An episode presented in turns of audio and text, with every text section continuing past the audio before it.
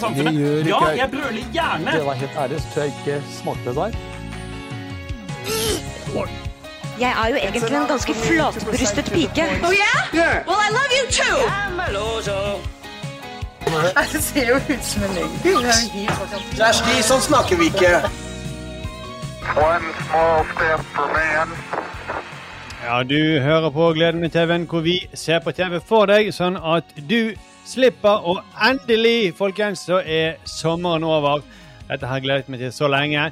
Det er en ny episode av Gleden med TV-en med meg, Markus, og mine flotte eh, I hvert fall no, noen flotte eh, venner. Sturle og Arild. Og så selvfølgelig Thomas også i tillegg. Um,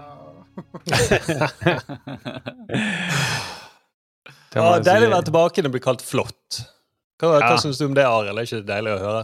Du har aldri følt meg mindre flott. Jeg har sovet tre timer i natt. Så Oi. jeg, ja. Jeg syns du så litt Thomas ut uh, Jeg så det, Thomas. webkamera. Sønnen min byttet ut soving med grining. Så det var liksom det det gikk i.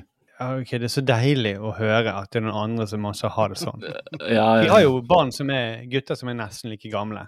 Mm.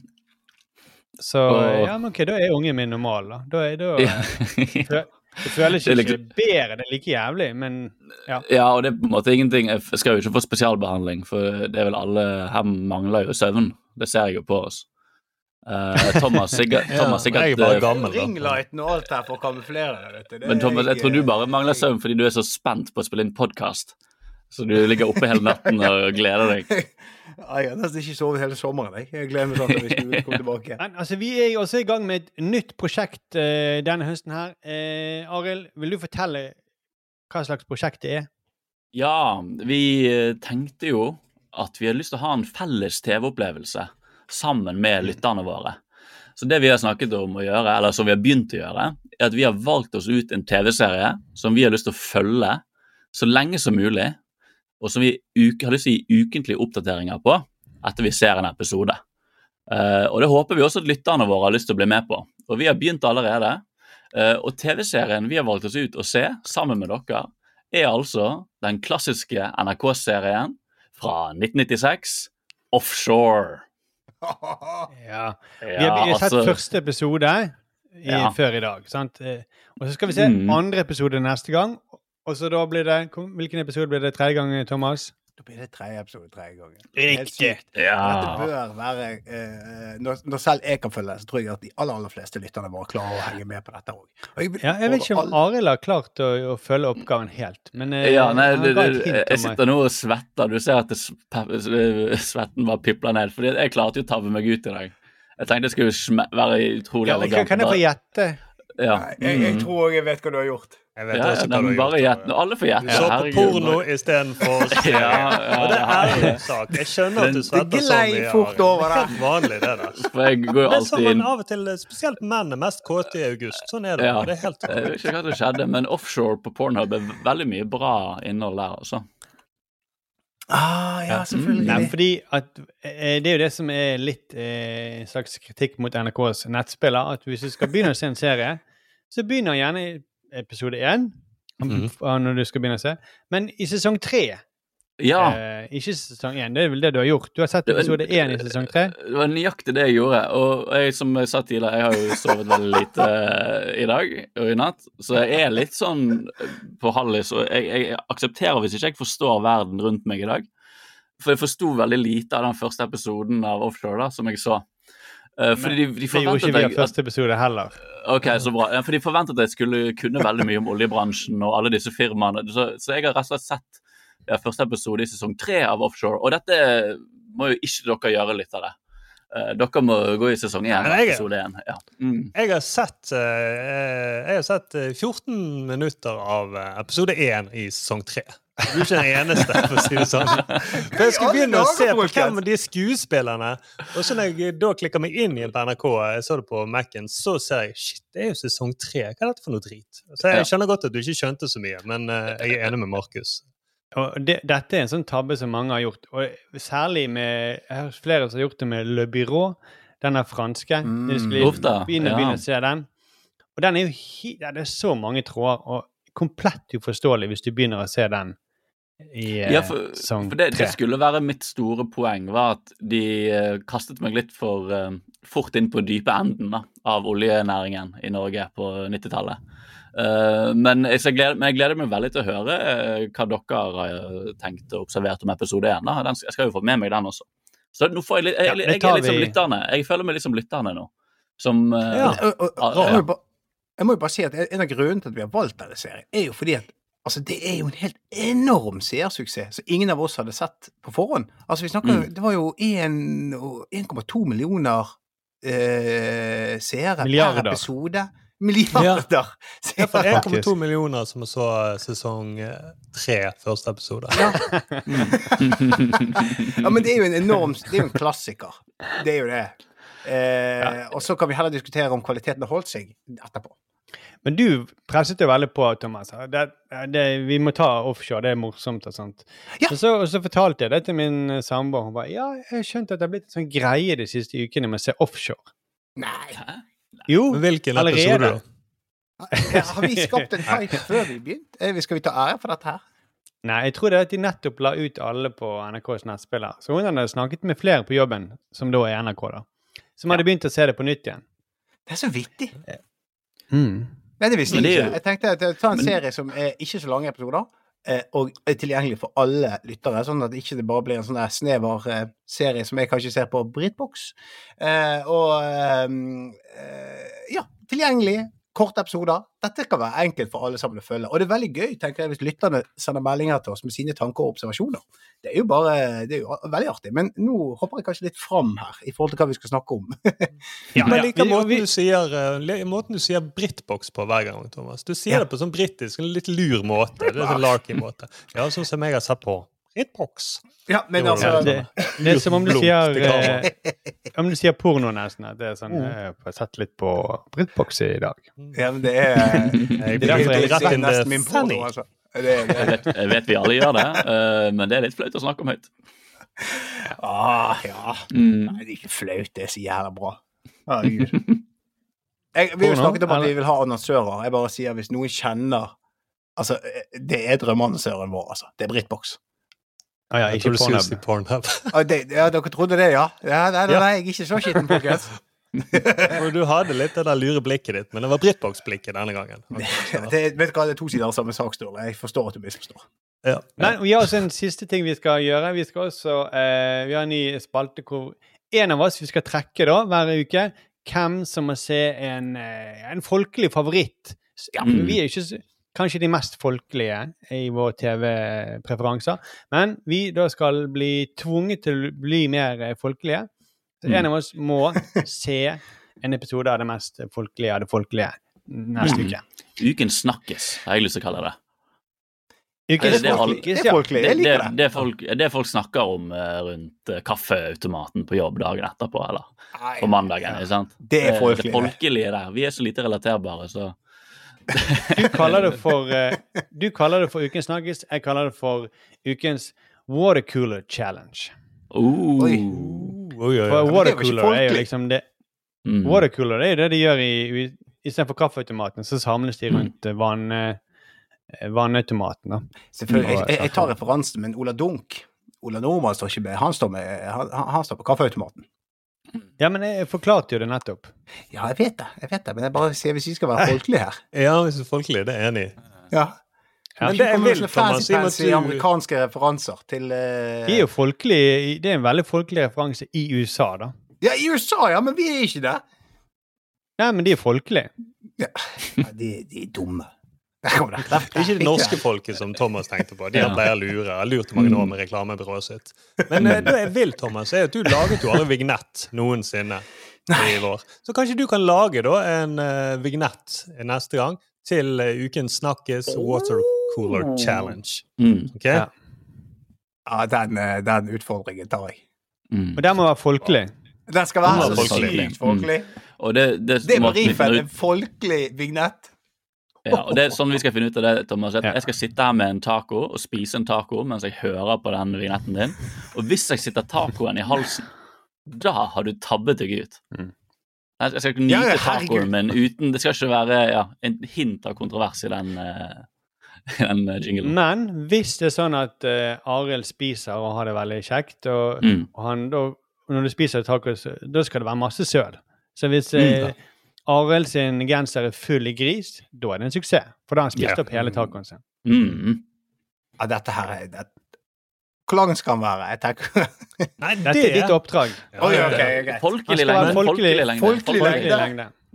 Og det skal, han skal rekke å søle masse på T-skjorten. La det være litt retningslinjen for deg, Thomas. Ja, det, det er veldig bra. Men så er Arild en veldig grisete fyr. Eh, Men vi må også snakke om, for vi har jo faktisk eh, vært aktuelle denne uken her. Eh, jeg vet ikke om dere har eh, hørt det Dagsnytt 18 i, på eh, onsdag. Men eh, bare hør på dette. Hva er det du savner, Dahl? Altså, jeg savner eh, en del eh, Jeg savner egentlig tre ting. Jeg savner ordentlig skarp satire. Eh, Satiriks var en slik satsing. Jeg håper det kommer noe nytt, men Nytt på Nytt er gått i mange år, og der sitter man liksom og koseprater med politikere. Eh, og ja. Dette var da humorforsker eh, Jon Magnus Ragnhildsson Dahl eh, ved Universitetet i Bergen, som debatterte med humorsjef Kristina Resk Reza i NRK, som diskuterer da om NRKs humor har blitt for slapp eller ikke. Mm. Eh, og foranledningen er jo da nyheten om at NRK har lagt ned Satirik. Så det, det var liksom en, det er egentlig utgangspunktet for debatten som de diskuterte ganske mye. Ja. Og det, dette har jo blitt en mye større sak enn vi eh, vi på en måte hadde tenkt eller planlagt. For vi hadde ikke planlagt at det skulle bli en greie. Vi må bare si det. For Ja, det er ofte det som skjer Unnskyld. Snakk Ja, nei. Jeg føler ikke at vi har vært noen sånn spinndoktorer her. Jeg er enig med deg, Markus. Ja, for det er jo ofte det som skjer, at eh, folk som er litt eh, misfornøyd, eh, når de får sparken, så tar de kontakt med en journalist, og så eh, Så det var, det var ikke noe sånt som hadde skjedd. Vi, vi gikk ut av NRK, vi ville ikke lage noe TV der lenger. Eh, og så eh, fikk jo noen journalister nyss da, etter mange måneder om Ja. at eh, Satiriks var lagt ned, og så ringte de oss eh, og ville ha, vi, vi sa jo ikke så mye i det første intervjuet. Det eneste vi liksom tenkte ok, dette vi kan si, er jo det som kanskje kan være litt av eh, allmenn eh, interesse, er jo at NRK har lagt om strategien sin. Det kan, kanskje man kan diskutere det i offentligheten. For det er jo vi litt Mm. kritiske til, da. Men så Ja, altså. ringte, ringte Ja. eh, Det var en liten kommentar om det, at de har lagt ny strategi. Vi syns det er vanskelig å lage noe der, da. Og, eh, og i hvert fall satire. Og så ringte BA, og så ringte Dagbladet, og så Dagbladet klarte å grave litt mer frem, litt mer Hva er det med den nye strategien som dere ikke liker, liksom? Og så plutselig sto det bare sånn Det ble veldig dramatisk. da. Slutt! Og så var det bilde av meg og Sturle. da. Ja, først sto det ferdig, var det det? Og så mente de Ferdig. at det ikke var godt nok, og ikke flest klikk, så da var det slutt. Men Man skulle tro det var slutt mellom meg og deg, Markus. Det er jo det Men Og da ville jo skjønner Nei, Men da kommer jo ikke vi i det nye programmet Bestevenn hvis det er slutt mellom oss to. Nei, og, og, og da, da kom Nei, det er på NRK-programmet, nei. Mm. Eh, og, men, eh, og det er jo også sånn Jeg skjønner nesten ikke hvorfor folk lenger gidder å bli intervjuet i Dagbladet. For det, at uansett hvordan du vrir og vender på det, hva du sier, så kommer de til å lage en sånn dramatisk hook, sånn alle misforstår litt. Mm. Så du må lese hele artikkelen. Å ja, nei, ok, de valgte å gå ut, og ja, det var en de var litt uenige om strategien NRK og Jeg var jo veldig Jeg ble jo ringt Det kommer fram helt ned. Altså. Ja, ja, ja. Jeg ble jo ringt opp plutselig for å uttale meg i en Dagbladet-sak om dette. Og jeg var så jævla redd etter, etterpå, for jeg prøvde virkelig bare å holde meg til en mediestrategi og bare virkelig være så ryddig som det går an å være når du bare plutselig blir ringt opp og ikke forventer å bli ringt opp. Og jeg var så nervøs for liksom Kommer de til å grave fram liksom ta Klippe sammen ordene på en spesiell måte så det høres ut som at jeg hater NRK, eller at jeg har blitt banket opp av Kristina Resk eller altså Jeg var så nervøs for hvordan de kom til å legge det fram. da. Ja, så for å gjøre en lang historie eh, veldig kort, så ble det da en til slutt eh, debatt i Dagsnytt 18. Og da stilte jo eh, NRK opp med Kristine Reza, og eh, for en gangs skyld faktisk diskuterte det. Det var jo ganske fint at de, de ville diskutere eh, humorsatsingen sin. Fordi jeg syns det er fint med en debatt om dette, her, men han, måten han Arne Helsingen Han er vel TV-direktør eller noe sånt i NRK. Jeg gikk ut i Morgenbladet og så sa jeg at eh, måten NRK drev som behovsanalyse på at OK, du liker Kongen befaler, ja, da prøver vi å lage Kongen befaler. Så prøver de å lage masse programmer med kjendiser som konkurrerer. Og det gjør de jo helt bevisst. Mm. Og da, ja. da vil jo de alltid ligge bakpå, fordi de alltid vil kopiere andre. Eh, og så sier han da, eh, han Helsingen Hør på dette God dag mann økseskaft-svaret her. TV-innhold som før ble sett av mange i en flyt på kanalene, ble ikke nødvendigvis valgt av mange i en strømmetjeneste. Derfor har NRK hele tiden blikket, fest, blikket på å fornye innholdstilbudet. Mm. Vi etterspør ikke kopier av suksesser på andres plattformer, men arbeider hele tiden med utvikling og fornying. Akkurat her er jo det. Det er jo rett og slett brann løgn. Jeg har jo jobbet i NRK på utvikling med brifen var vi vil ha vår kongebefaler'. Det var, det var oppgaven. Sturle, det var vel du som kalte det sånn eh, chatbot-svar. Fordi Ja, jo, men det er det. Det er chatbot-svar. Det er noe som eh, du ikke spør om. Du får svar på noe som du ikke spør om. eh, og For han sier jo nøyaktig det samme i Dagbladet-artikkelen eh, som Arild intervjuet, ja. Mm. Uh, og han humorforskeren. Så sier han nøyaktig det samme svaret. Han bare, bare, send, han bare sender ut det samme svaret hver gang. Men jeg føler jo Dagsnytt det er 18 helt- kunne jo bare invitert en sånn chatbot inn i studio. Sånn NRK sin servicetjeneste. Uh, Mm, og så annenhver setning sier at vi minner om at du finner mye svar på våre nettsider. Ja, men jeg tror helt ærlig jeg også, hvis jeg hadde jobbsikkerhet og uendelig med penger i budsjettet, så hadde ikke jeg heller svart på spørsmål. Nei, du hadde tatt en Mark Zuckerberg. bare Jeg hadde virkelig ikke brydd meg. Hvis folk var kritiske til, hvis folk var kritiske til meg, jeg hadde ikke brydd meg. Jeg hadde hatt de der eh, faste svarene mine jeg hadde sendt, copy-pastet, og så bare vært i kantinen og chillet, liksom. Fått inn, fått inngravert uh, svarene på en sånn platinum-plakett. Som koster Ja, ja. kjempemye. Jeg syns det var nesten veldig relaterende. Ja. det var iallfall eh, oss som var aktuelle for eh, en gangs skyld for noe annet enn at vi har gått over streken. Det var jo litt forfriskende, eh, må jeg si. Og en, en smart fyr som argumenterer godt for eh, for oss. Det likte han humorforskeren eh, Dahl. Ja. Ja. Er du, Ja, er du veldig, har du veldig mye å gjøre på jobb når du er humorforsker? Det bare ble Ikke når vi er ferdig. Jeg tror han har fått veldig mye mindre å gjøre når vi ikke Ja, kan gå over streken. Se mye serier og le mye og Det søren jeg. Jeg fikk faktisk lyst til, Hvis jeg kunne fått han på podden en gang, det hadde vært veldig interessant. Hatt en humorforsker Ja. med på podden og Ja, snakket om mot i ja. eller et eller annet sånt. Det hadde vært litt kult. Jeg har møtt han, jeg. Ja, han har skrevet om svart humor. Ja. Jaha. Ja. Ehm, Han har sett svart humor. så han er opptatt av sånn, eh, sånn burlesk og litt sånne ting også. Sånn Ok. Uh, drags og sånt. Så ja, han, er, han er en interessant fyr, tror jeg. Burlesk det er det morsomme uh, stripping, for de som ikke vet det. For vanlige humorforskere ser jo ikke på stripping. Bare sånn at ikke vi går og sier det ut på podcast. Vi kan ikke bli fiender med en humorforsker men burlesk eh, det er liksom morsom stripping. ja. Ja. Men jeg er både strippeklubber strippeklubb og det? forsker, da, til vanlig. Mm. Ja. Mm. Ja, men, men, Ja. eh, er men, den- men, men, Men er det Men eh, sånn alle former for morsom stripping? Er det sånn ufrivillig morsom stripping? Er det også går det inn under burlesk? går, inn på Ja, julebord det vil jeg og følger med, julebord og følger med på sjefen og Ja, er dette humoristisk stripping eller ironisk, eller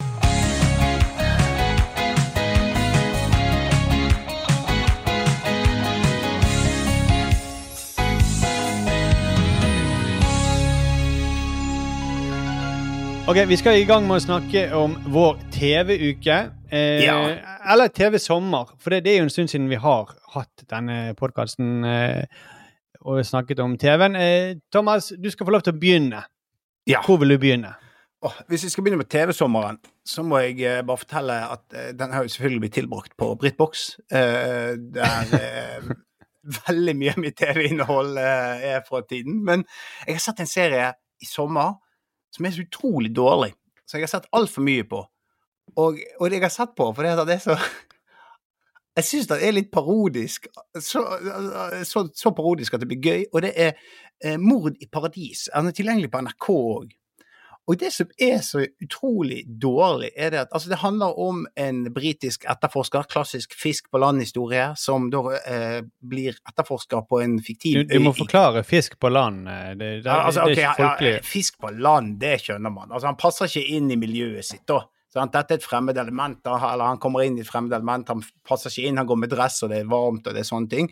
Men det britiske forklare dress. Uh, Men, altså, uh, jeg, kan bare si, jeg kan bare si, eh, Thomas, uh, 'fish out of water' for våre folkelige utenlandske lyttere.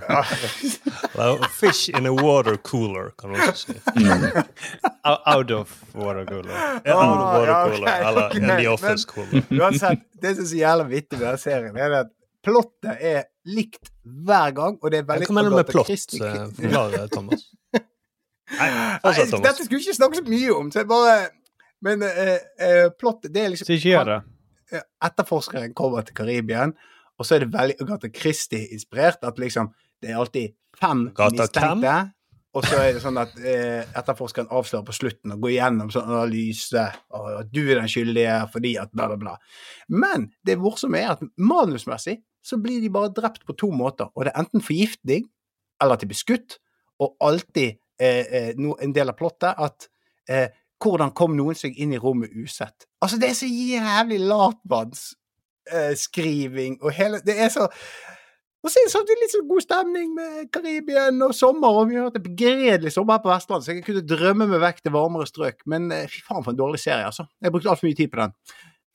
Det jeg ville snakke om, som har vært min mm. TV-uke nå, det er en anbefaling fra Arild. Og vi igjen, vi er tilbake på Britbox, og det er Line of Duty. Ja! Arild, den vet jeg at eh, den, Har du snakket om han her før? Jeg har nevnt den i, i påskekrimspesialen vår. så nevnte det jeg den. stemmer, det er der du har nevnt Fordi, den. Ja, Det var en uh, såkalt obsession for meg og, og min samboer ganske lenge. Ja, og på mm. den anbefalingen For det, jeg visste det kom fra deg, men husket ikke om vi hadde tatt det i podkasten, eller om vi hadde tatt det utenfor uh, mikrofoner og headset og alt det der. Mm. Uh, for det at altså, Line of Duty er en britisk politiserie som handler om uh, antikorrupsjonsenheten AC12. Ja. som da jobber med å etterforske korrupte og politimenn. Og mm. Dette har vi den, hørt om på podkasten før. Eh. Ja, ja, ja. ja, Jeg, jeg, tar bare en liten recap, tar en liten recap her. Men fy faen så bra den serien er. Jeg, jeg har sett fist gjennom de første to sesongene. Uh, klarer ikke å legge fra meg det. Det er så spennende, og det er så enormt bra karakterer. For det her, mm. den, den geniale ideen her med å ha skurker som er politimenn, er altså Eh, det er så briljant. For altså, snakk om at du At uh, ikke man har én-til-én-karakterer. Altså, de har jo moral, men er korrupte. Og du vet mm. aldri hvem som er god, og hvem som er ond. Og er, plottene er smarte, karakterene er usedvanlig briljante. Eh, jeg måtte jo sjekke, jeg har jo lest, og dette er jo nå den mest sette serien i England de siste årene. Uh, mm. Siste sesongen som nå uh, kom i uh, Om det han kom i år eller om kom i fjor, ble jeg litt usikker. Men altså 14,5 million seere i gjennomsnitt. Milliard. Milliard. Milliard, milliard tror jeg. ja, det er offshore, det. Vi, er ikke der. Britisk men, milliard. ja, men altså, du må gjøre er... for det britiske målenett, så du må regne. mm, 14,5 millioner pounds som ser det. Nei, stones. Mm. nei, men det er altså jeg, jeg vil bare takke Arild for den anbefalingen, for det at eh, Herregud, for en serie! Og det har ødelagt alle politis politiserier i ettertid. Det ja, for det er det som er problemet. fordi Den handler om disse regelrytterne da, i avdelingen, som er veldig opptatt av å ta politifolk som bryter reglementet. Og de er så opphengt av å følge ja. regler og kutyme. Og det beste, beste, beste, beste I hver episode så får man, man blir så gira hver gang de går inn i et avhørsrom fordi de avhørsromscenene, når de skal prøve å ta noen på at de har brutt reglene, det er så tilfredsstillende Det er så tilfredsstillende å se noen liksom følge reglement til punkt og prikke og klare å få gjennomslag mot noen som prøver å sluntre unna, som ikke forstår alle reglene. Det er liksom sånn de der nerdene sin hevn fra klasserommet, de som kunne alt. Oh, ja. For endelig sin hevn. For de er sånn Ja, men det er sånn det skal gjøre. Du skal ikke smelle med døren når du går sånn, faktisk. Det, det bråker du for mye for naboen. Og nå er det veldig digg at han ble i fengsel fordi han brøyt den regelen. Altså, de, de Ja. er så gode på reglene sine. Og så sånn i Så Hvis det hadde vært i Norge, da Ja. Altså, Hvis det hadde vært i Norge, så hadde de tatt inn på avhør- avhørsrom og så hadde de sagt nei, det blir ikke noe knulling bare fordi at det er torsdag. så hadde de Ja, det tatt hele gjengen. veldig Jeg har med et lydklipp der, vi, der ene, ene sånn uh, antikorrupsjonspolitiet møter han mistenkte som en sånn superpoliti. Kjempepopulær. Kåret til årets politimann. Han, han kommer inn på kontoret for de mistenker at han jukser med måten han fører statistikken på. så det høres, veldig, det høres utrolig dølt ut, men fy faen, så jævlig gøy det er. Eh, Jeg vet ikke om du kan spille det av her, Sturle. Good day at the office, DCI Gates. One call and you're on a harassment charge. Yeah, well, I could do the same for your goons. You want to talk to me, Arna? Call me into AC12. We'll do it in front of my Federation rep. Why go to all that bother when I'm only after a minor detail? The reason you took over a hit and run. I mean, it's hardly officer of the year material. May harm your defense if you do not mention when questioned. I expect you know the rest. I received information that the incident in question was connected to one of my team's ongoing investigations. Turned out that information was wrong. But you haven't bounced it back to traffic yet. Hey, I am the senior investigating officer on a double murder. That is proper policing, son. Maybe you remember it. Ja, du Ja, skjønner så- veldig fort hvem som er nerden, og hvem som er Erik Jensen her. Det er så- det- det er gøy, han er tøffasen, Eh, macho-tøffasen, sier jeg er faktisk årets Jeg er på en eh, viktig mordsak her. Ja, for det er liksom det som at hvis, i en dirty, hvis midt i en Dirty Harry-film så kommer en annen fyr, og de sånn Faktisk så kan du ikke bruke pistolen din eh, når du er ute på tjeneste. Og så blir det sånn Vent litt, handler denne filmen om han nerden istedenfor? liksom.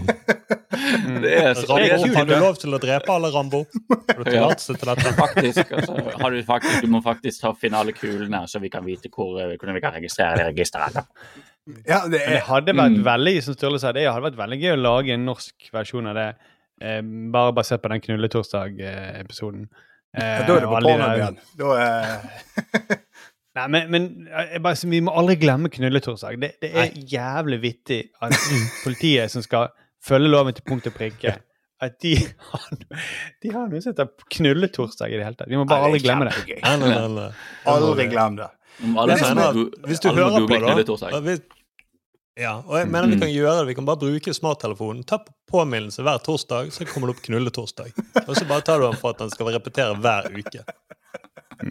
Det husker vi Ja, det er veldig fint. Men jeg må jo si når jeg har sett denne serien her, da Jeg må jo bare så Jeg gjør jo refleksjoner over min egen moral og alt mulig sånt, og jeg hadde nok Hadde jeg vært politi, jeg tror jeg hadde vært en korrupt politi, altså.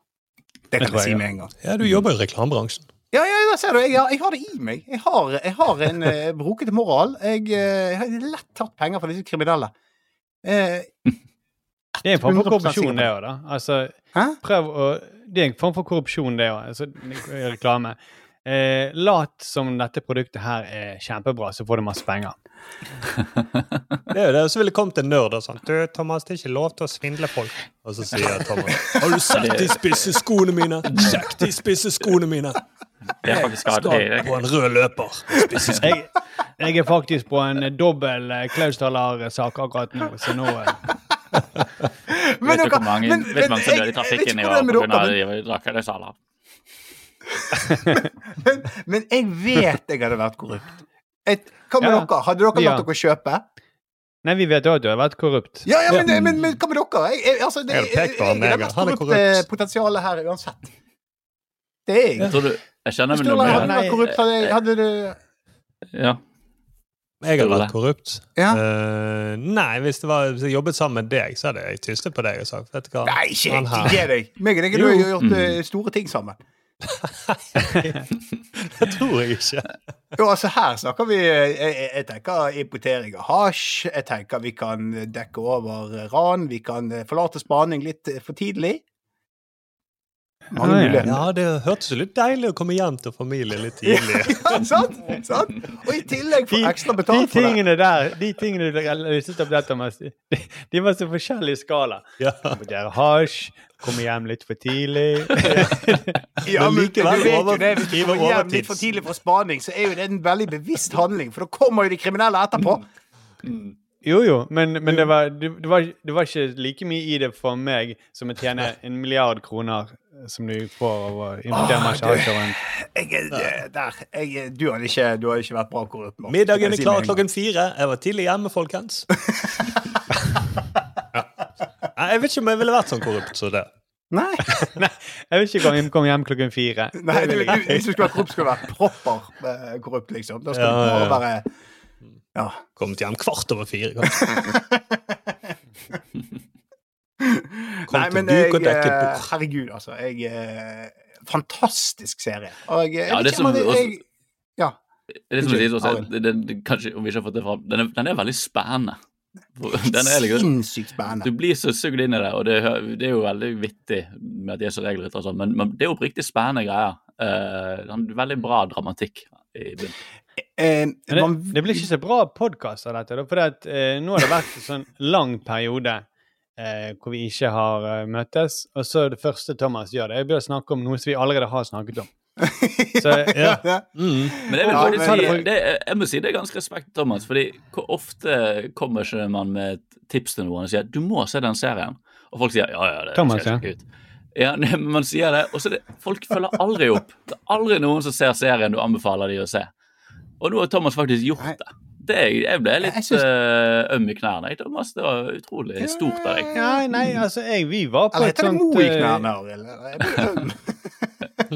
Jeg. Jeg, eh, får vondt i knærne. Mo i er hjertet. Må sjekke opp det der. Ja, ja, ja. Ta en MR.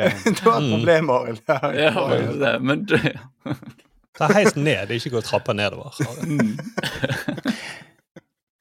Men eh, vi, eh, vi var jo et sånt eh, Jeg var, opplevde det nylig at vi var i et sånt eh, møte med et produksjonsselskap nylig, og da var det en eh, Så nevnte vi en serie. Og da ser vi at hun i møtet Hun noterer ned eh, den serien som vi eh, snakket om.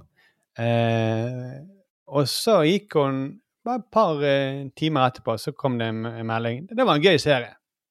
det Oi, var, herregud. Mm. Fikk ikke dere vondt i knærne da, av glede? Ble, Markus fikk vondt i knærne før han fikk meldingen. Jeg følte at det var liksom noe i gjære. Kjente det på knærne. Mm. Nei, men det, takk for ingenting da, Thomas. Eh, Det, Nei, men, men, men altså jeg, jeg, jeg vil takke Arild. jeg. Det, var, det er virkelig helt fantastisk. Alle sesongene ligger ute på Britbox. Jeg vet ikke om det er tilgjengelig andre steder. For jeg, jeg er nesten ikke på andre Det er på TV2. Eh, TV 2 er vel en slags connection med Britbox, hvor man kan se mye stemmer. det. For øvrig så må jeg si at den Britbox-appen, den er jævlig dårlig. Der er, for Det er helt umulig å vite hvor pekeren er. Det er bare sånn, Plutselig så Det det er helt forferdelig. Forferdelig app. Det, det, det, det, Dette, kan vi redigere bort, Thomas, hvis du fremdeles får penger fra Britbox. Jeg får ikke penger, men jeg vil oppfordre Hvis vi får penger av Britbox, så kan vi redigere det vekk. Kan ikke vi si det sånn? Så en liten Thomas. trussel her. Du er så korrupt. Hæ? Du er er så så korrupt. korrupt. Ja, jeg på dette her. Mm. Send dette eh, opptaket til dem før vi publiserer, så ser vi om vi plutselig er sponset av dem. Nei, det er ikke sånn reglene er, Thomas. Ikke sånn man gjør når man får en sponsor. Truer de. Det går ikke an. Ah, ok, Men ehm, eh, OK, men eh, vil du si det var en sjarmbombe? Jeg vil si at det var en perle og en diamant. Perle og diamant. Oi. Oi. Ja. Det er så gøy når Thomas har liksom to gir. Enten er det nei, jævla dårlig, og så er det sånn «Eh, Briljant! Det er så briljant! Det er så eh, fantastisk. For en nydelig mer? manus. Trenger man mer i livet? Ikke. Kjennetegn for korrupte folk, tenker jeg. Enten så er det ja eller hvis jeg begynner å være balansert og nyansert, da skal dere være mistenksomme. Da er, da er Det, det var faktisk et en ganske balansert svar, på en måte. mm. Ringe fastlegen. Oi. Kanskje han er blitt øm i, Arild ble øm i knærne. OK. Men eh, takk for det, Thomas. Ja, det var, det var Eh, kjapt og greit, det. Ja, kjapt var det ikke, men det var, Det var ikke greit. kjapt, men det var greit å høre greit. noe som vi har hørt før eh, i påsken. Det er greit. Myk start, og vi ble ikke sånn voldsomt eh, overrasket. eh. Nei. Nei, dette, dette Tilbake til det. Dette, dette er kontinuitetsbærer. At jeg ser ting Jeg kan jo snakke om Jeg har sett Kobra Kai fra begynnelsen Nei, jeg har ikke det. Men eh, Ta papirhus neste uke, da. Det er greit, det. ja. Sturle, hvordan har din eh, TV-uke eller TV-sommer vært? TV-sommeren har Nei, Jeg har ikke sett så mye TV i sommer. Men nå når det begynte å liksom dra seg mot høst, så har jeg begynt å se litt grann, eh, flere ting.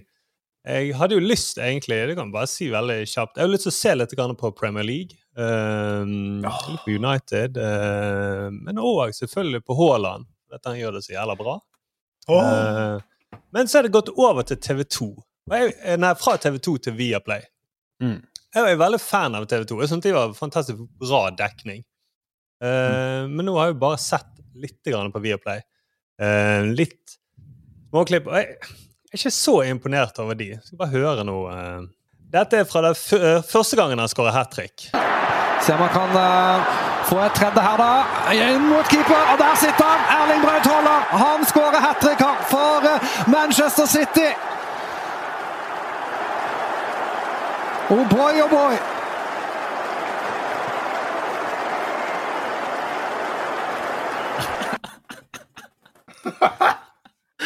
Det var det. Det var ikke noe mer kommentering. Det var liksom Han skårer hat trick. Og så er det stille, og så er det oh boy, oh boy. Og så er det enda mer stille. Han kunne vært Viking Jabba Dabba Doo. Jeg tenkte på deg, Thomas. og tenkte jeg, Det er sånt som skjer når markedskreftene styrer. Nå er det blitt sånn Jabba-Do-stemning. Synes som drev, De bare drev og telte pengene etter hvor mange som driver abonnerer på Viaplay nå. De bare Oi, det er så mange. Oh boy, oh boy. Men Det er det minst tilfredsstillende jeg har hørt noensinne. Herregud. Hvor ble det av Men, goal, eh, goal, goal, goal, goal, goal, goal?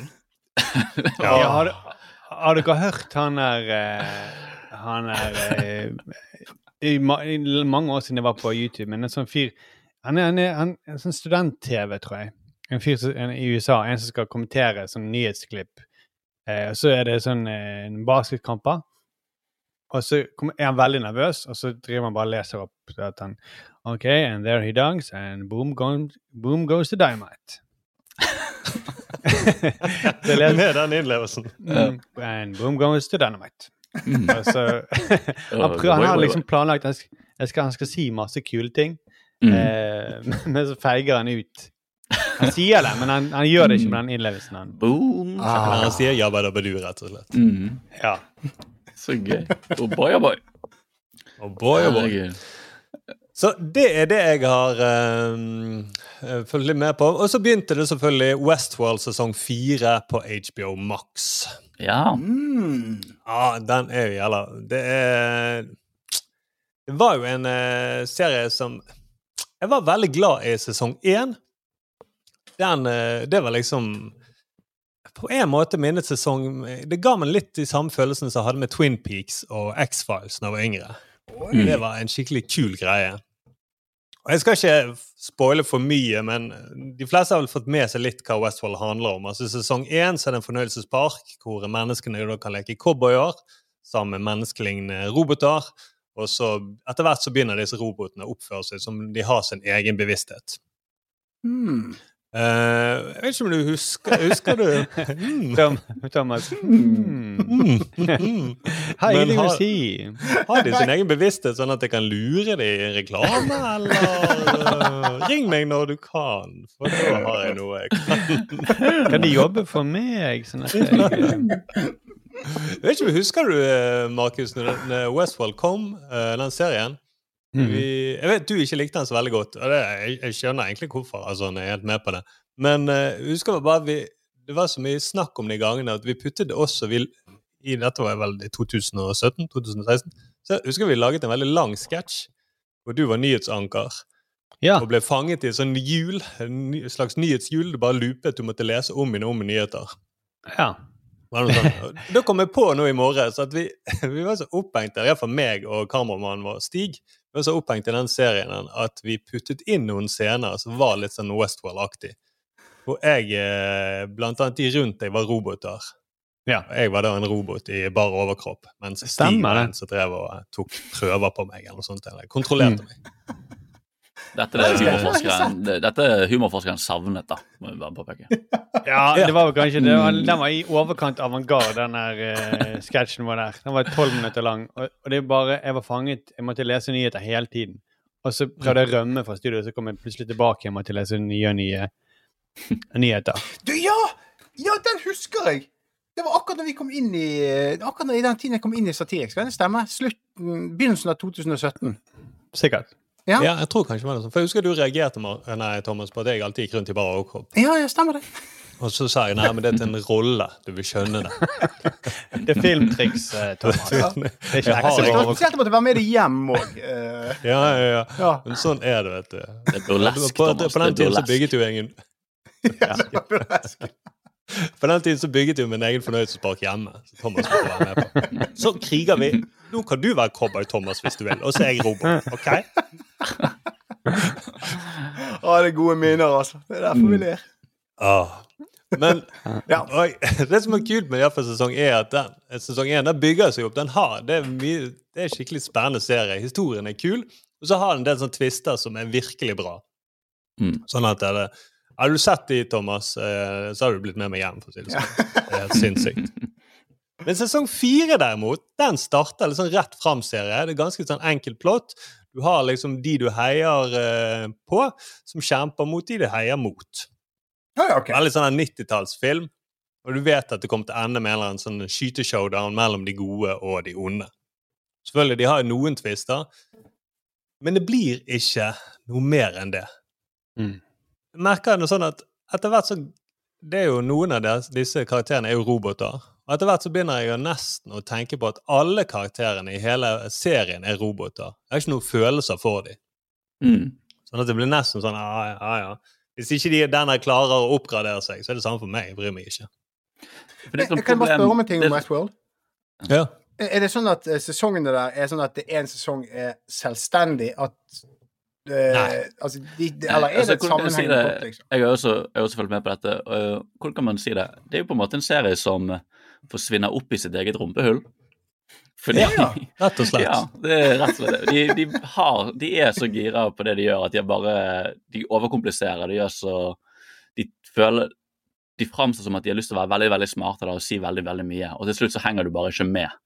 For de tror de kan bruke disse kule verdenene da, som de, de opererer med, som er sånn cowboyverdener. Og så introduserer de jo andre verdener som er veldig fantasifulle og spennende fra historiske epoker. Men de prøver også å si veldig mye om mennesker og vår natur og sånn.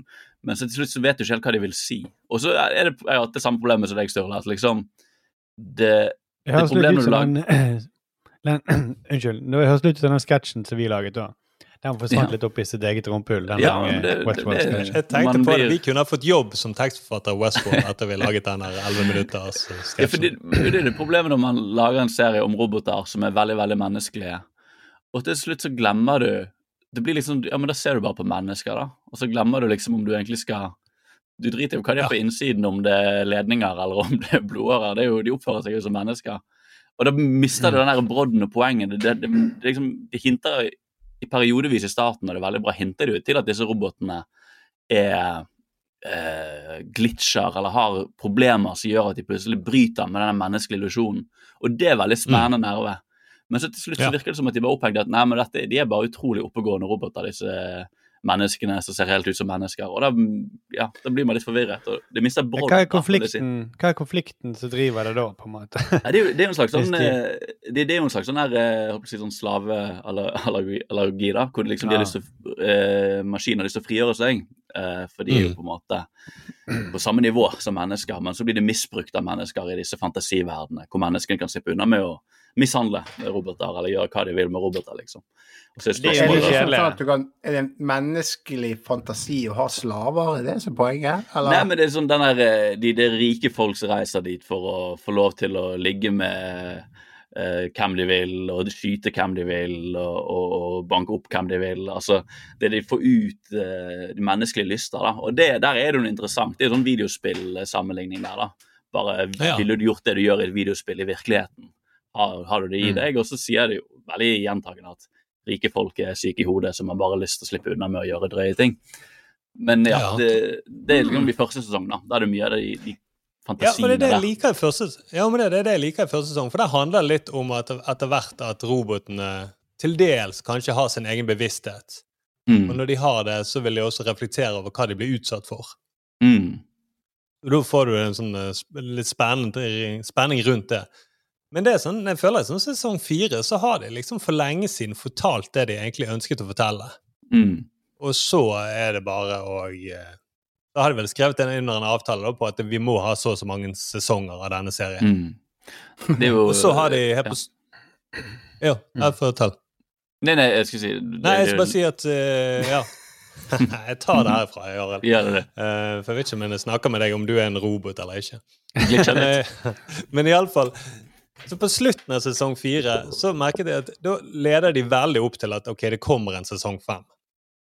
Men ikke sånn som i Men det ble ikke sånn at jeg når den eh, sesong fire sluttet, at jeg gledet meg. Oh, shit, jeg gleder meg til neste sesong kommer. For eksempel sånn som eh, jeg gjorde i noen av sesongene i Game of Thrones.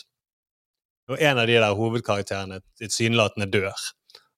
Så tenker jeg shit, hva, hva skjer nå? Men nå var det sånn ja ja, ok. Håper dere egentlig ikke klarer å lage sesong fem. Så det var litt det- eh, skuff, rett og slett. Det er litt skuffende, men det, det jeg føler er et sånn mønster nesten, er at en del sånne spenningsserier de klarer ikke å holde det oppe. Det er ikke så rart heller, da. Men de klarer ikke å holde det oppe de, etter en del sesonger. I motsetning til humorserier, som nesten blir bedre. Det er sant. For det er jo noe man eh, ofte sier eh, Hvor mye mat er det i denne ideen her? Eh, Ja. Og, og det er jo en, en, Det kan gjerne holde én sesong, men Eller to sesonger. Eh, men det er jo kult med de som klarer å slutte når, når ideen er ferdig. Ja. Lost. Lost klarte jo ikke det. Det var, det var veldig sånn pirrende og spennende i første sesong, og så Mm. bare eh, hadde de ikke tenkt over hvordan de skulle avslutte dette. Det er Ja, men det, det, det, det skulle si at bare- Lost, er, ja. Lost er jo definisjonen på en moderne definisjonen på å forsvinne opp i sitt eget rumpehull. Den serien alle snakker om som er begynte Ja. jævlig bra, så falt jeg helt av. På den tiden hvor vi, man samlet seg eh, en gang i uken og så på det og snakket om det i skolegården, eller rundt uh, watercooleren. Uh, Watercooler. Watercooler. uh, men, uh, men det som eh, har kommet fram om den serien Lost da, i etterkant, er jo at de mannsfatterne uh, annet Damon Lindelof, som senere holder koken med å lage eh, forskjellige ting. Eh, han, eh, de snakket om at de hadde fire sesonger i hodet. Som de var sånn Dette her blir så jævlig bra. De kommer på den øyen, de vet ikke hva som foregår, og så vet vi nøyaktig hvor vi skal spinne det. Vi vet alle twistene og turnene. Hvis vi bare får fire sesonger, så kan vi lage en utrolig spennende serie. Jeg har også sett faktisk du kan finne pitchdokker til Lost på nettet. Som altså er de sånn eh, lille bibel på den serien og alt de har lyst til å si og alt de har lyst til å gjøre. Og der har de fire sesonger med materiale. Problemet ble jo at den serien ble veldig, veldig populær. Uh, I en tid hvor liksom sånn der uh, Den høykvalitets TV-serien som liksom kanskje hadde begynt med Sopranos og sånn, og The Wire, hadde ikke helt blitt sånn eh, normalisert. da, At all TV skulle være på et sånn høyt dramatisk nivå. Så de ble bare sett på som en sånn Ja, OK, så dere skal være en sånn ukentlig dramaserie, så vi skal bare tyne så lenge som mulig, så lenge folk er interessert. Uh, og du, sånn som du ville gjort, Thomas. ja. Sånn som du ville gjort. Men, som er helt naturlig når du har en hit på hælen. Sånn at å herregud, folk elsker det. Bare dra det ut. Og så fikk de liksom lov til å lage De ble bedt om å lage åtte sesonger. Jeg vet ikke om det endte opp med ni sesonger. Og da skjønte de at å faen, vi, må, vi har de to første sesongene i hodet, som er veldig gode. Og så må vi fylle inn med sesonger, sånn at vi kan ende opp med den slutten vi har. Og da mistet jo folk interesse, og til slutt var jo folk virkelig bare glad for at det var ferdig. Og den slutten de endte opp med, var folk litt sånn OK, men dette har vi på en måte gjettet for fem år siden at det kom til å ende opp her. Så det, du mistet helt den brodden. Eh, så det er den ja, definisjonen på det at de hadde spenning. Du kan lage en god, kompakt spenningshistorie, men hvis du blir tvunget til å finne på masse ting imellom, da vil jo det bare bli surr. Samme var jo sånn de har Netflix Jeg hørte om Det var vel eh, House of Cards. Mm. Som uh, hadde historielinjen for hver sesong, og så sa Netflix nei, vi, vi vil forresten vi vil ha litt flere episoder. Så da kommer det plutselig noen sånne hvileepisoder inni der, som ikke handler Mm. om Hvor det plutselig ikke handlingen drives fram når, når han drar hjem på, eh, eh, på der nede fra, fra Mm. Sør, sørstatene. Ja. Og, og så er det liksom en, en liten novelle inni der, og så plutselig fortsetter eh, handlingen. du, kan alltid, du kan alltid lukte det når det blir et problem at de må fylle ut. For når det er type sånn at ja, nå han der um, assistenten som ikke snakker så mye, han har plutselig fått sånn narkotikaproblem. Hm, hvorfor, eh, hvorfor eh, får han det plutselig? Hvorfor skal jeg bry meg om han? Og sånn, ja, men nå skal vi faktisk gå inn i han, da, for han er faktisk jævlig interessant. Og så da skjønner du at ah, faen, her er to sesonger med han her hvor jeg, som jeg ikke har Det, brydd meg det. om. Vi har, vi har snakket om det på ja, vi snakket om dette med Ted Lasso. Der er det plutselig to episoder som har ingenting med noe å gjøre. Det var jo, eh, fant vi ut i etterkant med litt googling at uh, de, fikk, eh, de hadde bestilling på ti, og så måtte de lage tolv. Mm. Ja. Så da måtte de bare lage to novellefilmer inni der. Men eh, OK, eller ikke se sesong fire av Lost, da. Nei, ikke Nei, nei, Lost. av, Lost heller. Nei, av eh, Westworld. Ja, altså det, jeg tror du kommer til jeg tror man kommer til å like det. Altså De er flinke serieskapere, så de har jo det som twister og sånne ting. Men det inntrykket jeg satt igjen med at ja, det var en del sånne kule, spennende elementer, scener, da, men ikke hele serien. eh, Sesongen er ikke så spennende. Nei, det er ikke sånn Det- grunnleggende Det er noen grunnleggende problem i hele greien. Ja, Det er ikke sånn jeg sitter det er ikke sånn, Faen, jeg håper de klarer å løse dette. Eh, Den følelsen forsvant, da. Jeg vil bare jeg vil fortelle om eh, min eh, kan jeg si TV-sommer, da. Kan du det? Ja, si det. Det, det er tillatt. Du får tillatelse av oss. jeg har eh, forelsket meg i en eh, veldig kul eh, serie. Eh, faktisk anbefaling fra eh, eh, Karianne, som var gjest her. Eh, Karianne Henriksen, er det hun heter? Ja, Karianne Henriksen. Som var gjest her på podkasten tidligere. Eh, den heter altså White Lotus. Har dere sett den? Du, Den er på listen min. Det er HBO Max, ikke det? Mm. Ja, det er en HBO-serie. Ja. Den, den har jeg sett. Og det er en ganske sånn Det er en merkelig serie. Eh, Den er f- Man kan kanskje si at det er en, en mørk eh, komedie. Ganske sånn bitter satire. Det er bare seks episoder. Ca. en time lang, tror jeg det. Og handlingen foregår da på et luksushotell på Hawaii gjennom en uke. Og det er eh, ingen hovedperson eh, i denne serien her. Men jeg følger liksom alle samfunnslagene, både gjestene og de som jobber der. Eh, såkalt romersk fortelling, hvor det ikke er noe sånn sentrum. Eh, og det er mye sånn her eh, så vidt, vi har vært, snakket om det før, sånn frontstage, eh, backstage. For det handler mye om sånn fasader som sprekker. Eh, det er masse drit som foregår, men når alle samles eh, under middagen på kvelden, da skinner alle. Da, er- da er det som om ingen problemer. Da er det bare luksus og ferie. Spisse sko. Og spise sko, ja. Så det er på en måte om hva alt som foregår, all den driten som foregår bak Thomas' eh, fasade, da. Ja. Skinnende fasade. Denne serien begynner med et eh, Hva ler du, Thomas? Det er trist. Uh, nei, jeg føler meg avslørt. Livet ditt. Ja. Jeg tror han gråt, jeg. Okay. Han begynner med et anslag, da. Eh, da er det en ung, sånn sur, ganske sur mann som sitter på flyplassen. Han skal hjem fra Hawaii.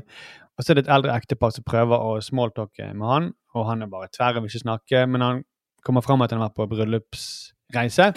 Vært på White Lotus-hotellet, sier han. Å, var ikke det der foregikk et mord nettopp nå? Sier de gamle folka. Jo, jo, sier han. eh, De, de frakter liket der inn akkurat nå, inn i flyet som de står og ser ut.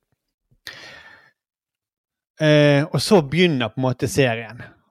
Og hadde det ikke vært for det anslaget, så, så hadde jeg aldri giddet å se den serien videre. For det, den er ja, Hva skal jeg si? Jeg hadde ikke skjønt hva det var for noe. For det, spenningen bygges så sakte opp. Du sitter hele tiden og lurer på hva er dette for en slags serie. Hva, hva, hva skal skje? Hvor, hvor er vi på vei? Du bare møter masse folk som kommer til eh, øyen, og får liksom møte alle tjenestefolkene og sånt. Men du skjønner at alle har ulike problemer, og de er innestengt på dette hotellet da, i en uke. Og det blir mer og mer klaustrofobisk, eh, og det er varmt. De kan ikke forsvinne fra den øyen de er på. Og, så er det en sånn musikk som er ganske enerverende, som går hele tiden og blir mer og mer intens. Som noen har sagt er på en måte nesten en, en av hovedpersonene i, i serien. Vi kan bare høre litt på den.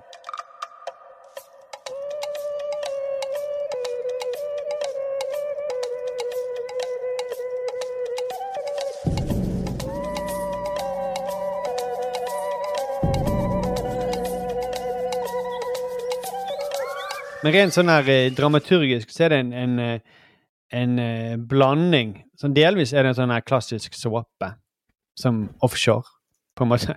Hvor du følger alle, alle mulige folk i, som jobber på det hotellet. Og så er det også delvis som en roman, for den bygger seg sakte opp mot en avslutning, et, et, et klimaks, i sjette episode.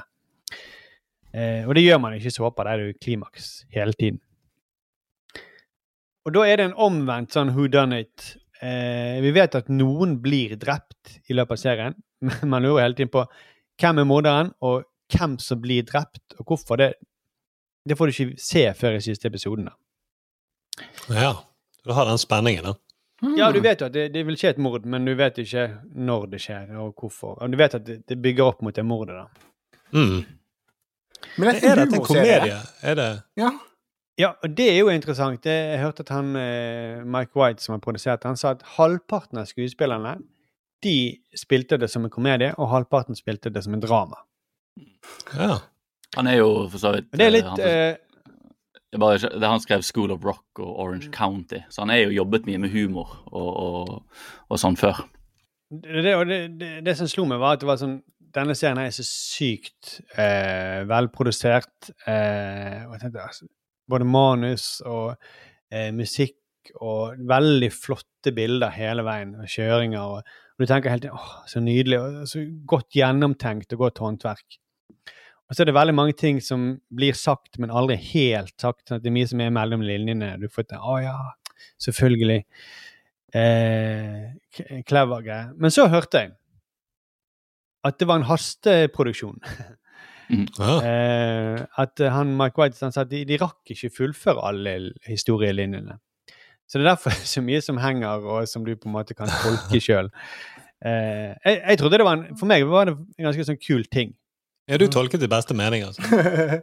Ja, men i, sånn det, det beste romanen er jo de som ikke som gnir inn 'dette er poenget', men du kan liksom legge ting De bare gir et lite sånn hint, og du kan legge til ting sjøl. Ok, Da vil ikke du like siste episode av Westworld. Nei. det var 15 minutter TED Talk. Fordi det er jo en eh, eh, koronaproduksjon, dette. Han eh, Ja. Mark White Det var masse prosjekter som ble lagt på is. Og så ringte han til HBO og så sa han, «Du, jeg er for så vidt ledig nå. Eh, er det noe jeg kan gjøre? Ja, hvis du klarer å lage en serie vi kan spille inn eh, i- med koronabestemmelsene, så har du en serie. Så han bare ringte til kompisen. Jeg, tror kanskje vi f Vi har, fikk nettopp en serie, men jeg vet ikke hva vi skal lage. Det ender med at en vaksinemotstander dør på slutten. Det er det siste. Men det, var, det, det, det er litt kult at det er art by accident. Da, at uh, da bare OK, jeg er, jeg er på Hawaii, jeg, jeg bor på dette hotellet her, vi bare begynner å skrive. Ja. Og så er det fint at altså, de har jo et lite veldig sånn De har ikke så mange skuespillere. Eh, og etter hvert gikk det jo tom for skuespillere. Så det er jo de, det gamle ekteparet i det anslaget på begynnelsen er jo da eh, Jeg tror det er foreldrene til en, en av de der som har skrevet det. Eh, og du, du ser da, de, de er ikke de beste skuespillerne akkurat de. Men men det er jeg syns det, det virker enda mer eh, Enda bedre i og med at det er produsert under de Fordi det er produsert under litt andre Det, det blir ikke så in your face 'dette er poenget'. Det blir mye mer sånn Nei. Jo, og da får det- du vel sikkert enda mer uh, klaustrofobisk uh, feeling for uh, de som faktisk er skuespillere også. Ja. De må være Fordi... på et sted, og de vet at det er en pandemi, og du føler litt innestengt.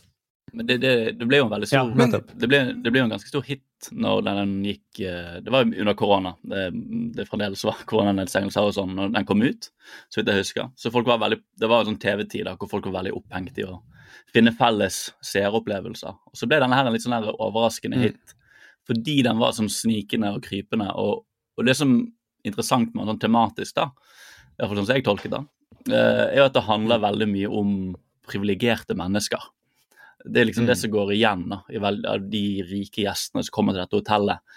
Uh, de blir konfrontert med mye av sine egne sånn, privilegier. Og det er det som jeg, jeg syns han er veldig god på, at han skriver veldig gode karakterer som er klassiske figurer man du egentlig ikke ville likt hvis du var fanget med dem på hotell, men du, du nyter veldig godt å se dem uh, bli utfordret på, på de der eh, svakhetene sine. Sånn så han ene, det ene er et ungt ektepar som nettopp har giftet seg, hvor det er så tydelig at han mannen er så utrolig mye mer forelsket eller interessert i å være sammen med hun damen enn motsatt. og at du skjønner at Egentlig handler det bare om et statusting for han. Han har lyst til å ha en kone, han bryr seg egentlig, egentlig ikke noe om konen. Og så har du en familie som reiser, som er hvor han, faren i familien sliter med at sønnen ikke begynner å vokse opp og ikke vil ha mer med han å gjøre. Han får sånn statusfall som mann fordi at han får noen sånn sykdom som han kanskje da eh, får han til å føle som mindre av en mann, så han, han begynner å bli konfrontert med hans rolle i familien. altså Det er mye sånne du, du Ja, der er det jo veldig mye med, med han, da. Ja. For han får også akkurat vite å vite det at uh, pappaen hans var homofil. Ja, det er også Uh, Mm. og holdt kjeft om det i Altså, han er jo død for lenge siden, han pappaen. da. Ja, og så på andre siden så tar han opp mye historier fra de som jobber på det hotellet, som må observere alle disse privilegerte menneskene og deres problemer, og de har kanskje større og mer ekte problemer. Og, og hans store, si den store rollen er jo han eh, konsieren, han som drifter hotellet, da. Eh, Ja. Om det er det. det. Han, Han er helt fantastisk. Ja, han sånn. opererer liksom på begge de nivåene, både blant de fornuftige, de, der de rike, privilegerte, og blant de som jobber der. Og han code-switcher, da, som det heter. Han bytter så veldig sånn status hele tiden når han skal være, forholde seg til hvite, privilegerte folk og de som jobber der. og Stresser veldig mye, da. Det er nesten som en farse med han. Ja, det er litt som Faulty Towers. Eh, Mm. han, han, skal gå, han skal liksom holde oppe, den fasaden, for alt skal se så bra ut eh, under Mm. middagen. Og han, og han er jævlig flink til det. Mm. Og så blir han bare mer og mer eh, der, Det er et sånt øyeblikk, og han sier rett ut sitt uh, karakter. Det er jo sånn man ikke skal gjøre, egentlig, men det er veldig vittig. Uh, at han sier rett ut at uh, når jeg drikker, så mister jeg alle hemninger. Og det gjør han jo. uh, sånn så veldig tydelig. Mm. Eh, han har et alkoholproblem som han har holdt i sjakk i mange år, men nå bikker det over. Ja, og så får han en sånn personlig vendetta mot han ene rasshølet som nettopp har giftet seg. Fordi han, Ja. han rasshølet har så utrolig behov for den høyeste kvaliteten og får det ikke sånn som han vil. Og så får han bare sånn personlig vendetta på at jeg skal liksom ikke gi deg det du har lyst på. Han har så lyst til å Mm. holde tilbake luksus for han da. Og da blir jo selvfølgelig det rasshølet jævla irritert og mistenker hele tiden at han ikke får det som han vil, og blir bare surere og surere. Så, og det er jo rett, det bygger seg opp. Det, det er også gøy å se som en sånn ukentlig watch, for du, det bygger seg så sykt opp til Du vet at det skal skje et mord, så du tenker sånn Hvem er det som dør av alle disse folkene? Som en utrolig Mm. enkel, men smart måte å, å, å gå inn i det på. Men eh, bare sånn eh, i forhold til og, skrivingen og hele ideen her, og disse ulåste trådene er, jeg føler, er Var det meningen at det kanskje skulle være liksom to-tre sesonger, og så er det bare blitt komprimert til en seks episoder? Eller er det Nei, liksom laget det, det, sånn? det er helt tydelig at her er det jo her har de bestemt seg for at de skal avsluttes der.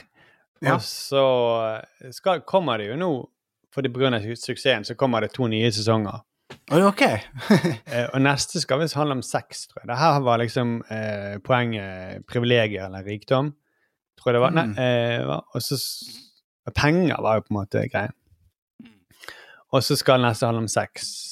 Eh, det er nytt, de, det det det går igjen etter denne White Lotus, skjeden av hoteller. da. Så det er et nytt hotell med nye gjester.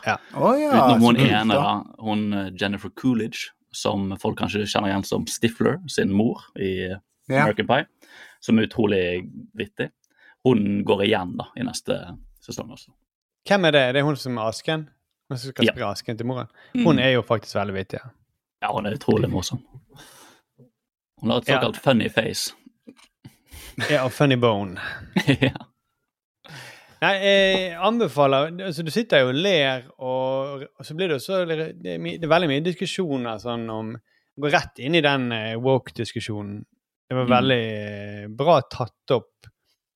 Eh, det er ganske ubehagelig å se, liksom særlig disse her eh, urfolkene i Hawaii som skal danse under middagen.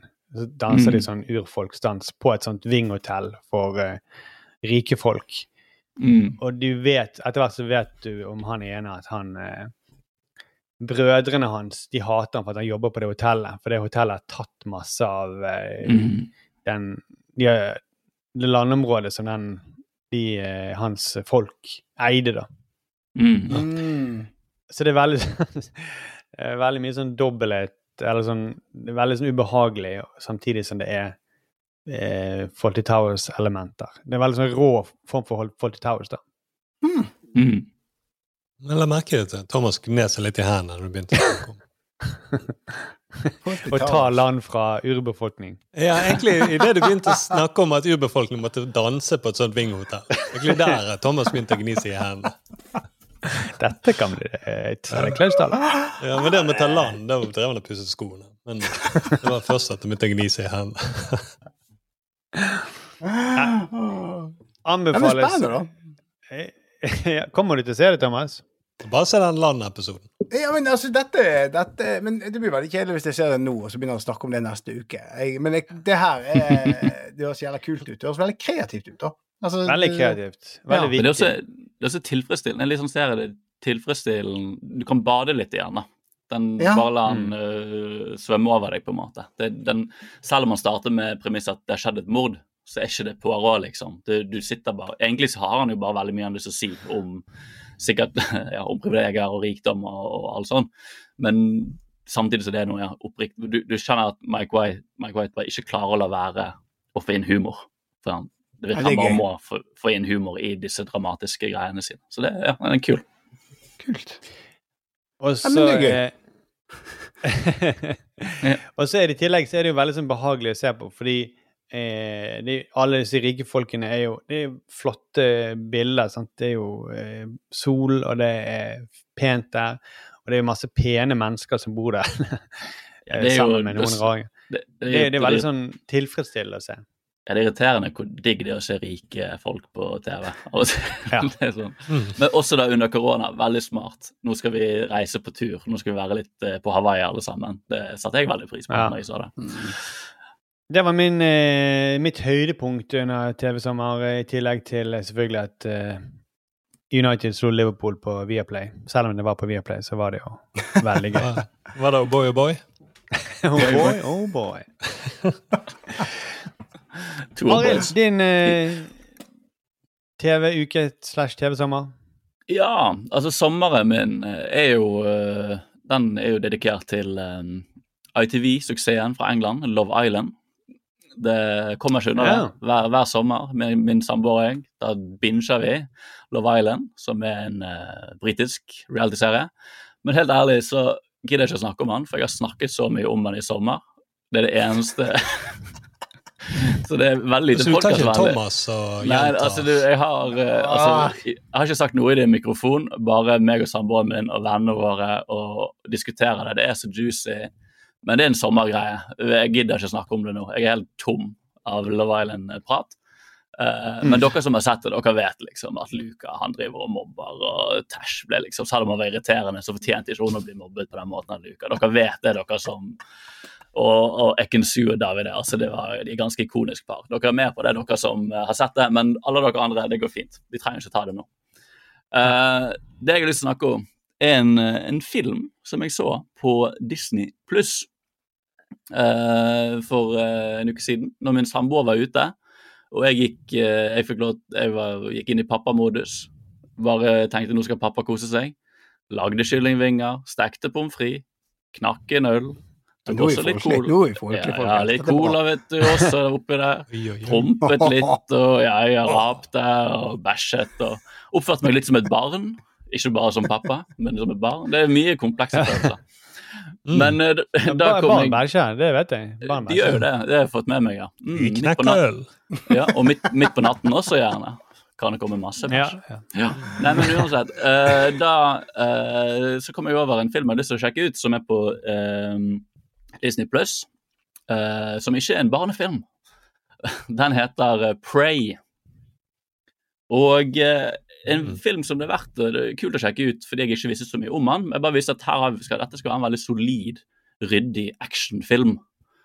Eh, Og den uh, overrasket meg på en veldig positiv måte. Uh, den handler da om på 1700-tallet et urbefolkning, Kim, Kima- Kima- Comanche-indianerne. Nå, Jeg er så sliten i hodet, men Var dette før, eh, forfedrene til, for, før forfedrene til Thomas kom og bygget hotell? Var det? Du ler. Ja, Det var tider, kommer det de var tider. spisse, spisse cowboyskoene sine. eh, det handler om indianere eh, på 1700-tallet, en eh, befolkning der. Og det handler om jaktsamfunnet der. Eh, og en ung eh, dame i eh, denne slekten som har lyst til å bli med ut og jakte. Og har lyst til å bli med på et sånn eh, rituale som, alle som de gjør, alle de sterkeste og flinkeste jakterne i triben eh, gjør. Uh, og så blir hun selvfølgelig Hun er veldig flink til å, å finne spor og, og bruke medisiner og alt mulig sånt, men hun blir alltid nedvurdert. Og, og, og er liksom, fordi hun er ikke like sterk som alle de andre mennene. og sånn. Men hun sniker seg med på jakt likevel. Og så oppdager de plutselig at, det, at dyrene i skogen har blitt eh, eh, flådd levende. Eh, det er skumle ting på gang i skogen. Det, det, det er et eller annet rart dyr på gang. Og, og det bygger opp en slags spenning på at her er det et eller annet mer på gang enn bare jakt og jaktkultur i eh, altså ur- en urbefolkning. Og så plutselig så hører disse eh, indianerne på jakt de hører en lyd. Har du lyst til å spille av den lyden, Sturle?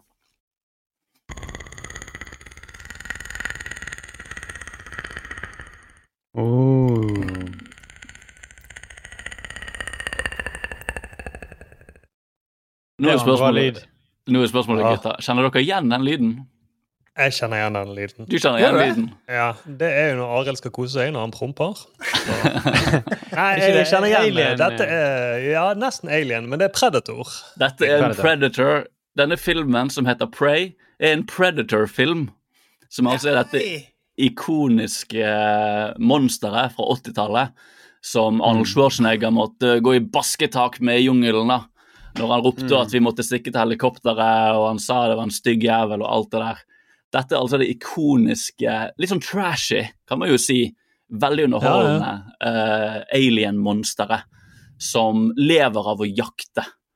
Uh, og som de har lagd en uh, håndfull med dårlige filmer, og kanskje én god film. Og så nå kom det enda en ny god film. Som altså er Mm. Så utrolig smart markedsføring at denne filmen ikke gikk inn med å selge seg inn som en Predator-film. Uh, den, Ja. han- den heter Prey, den handler om dette urbefolkningen.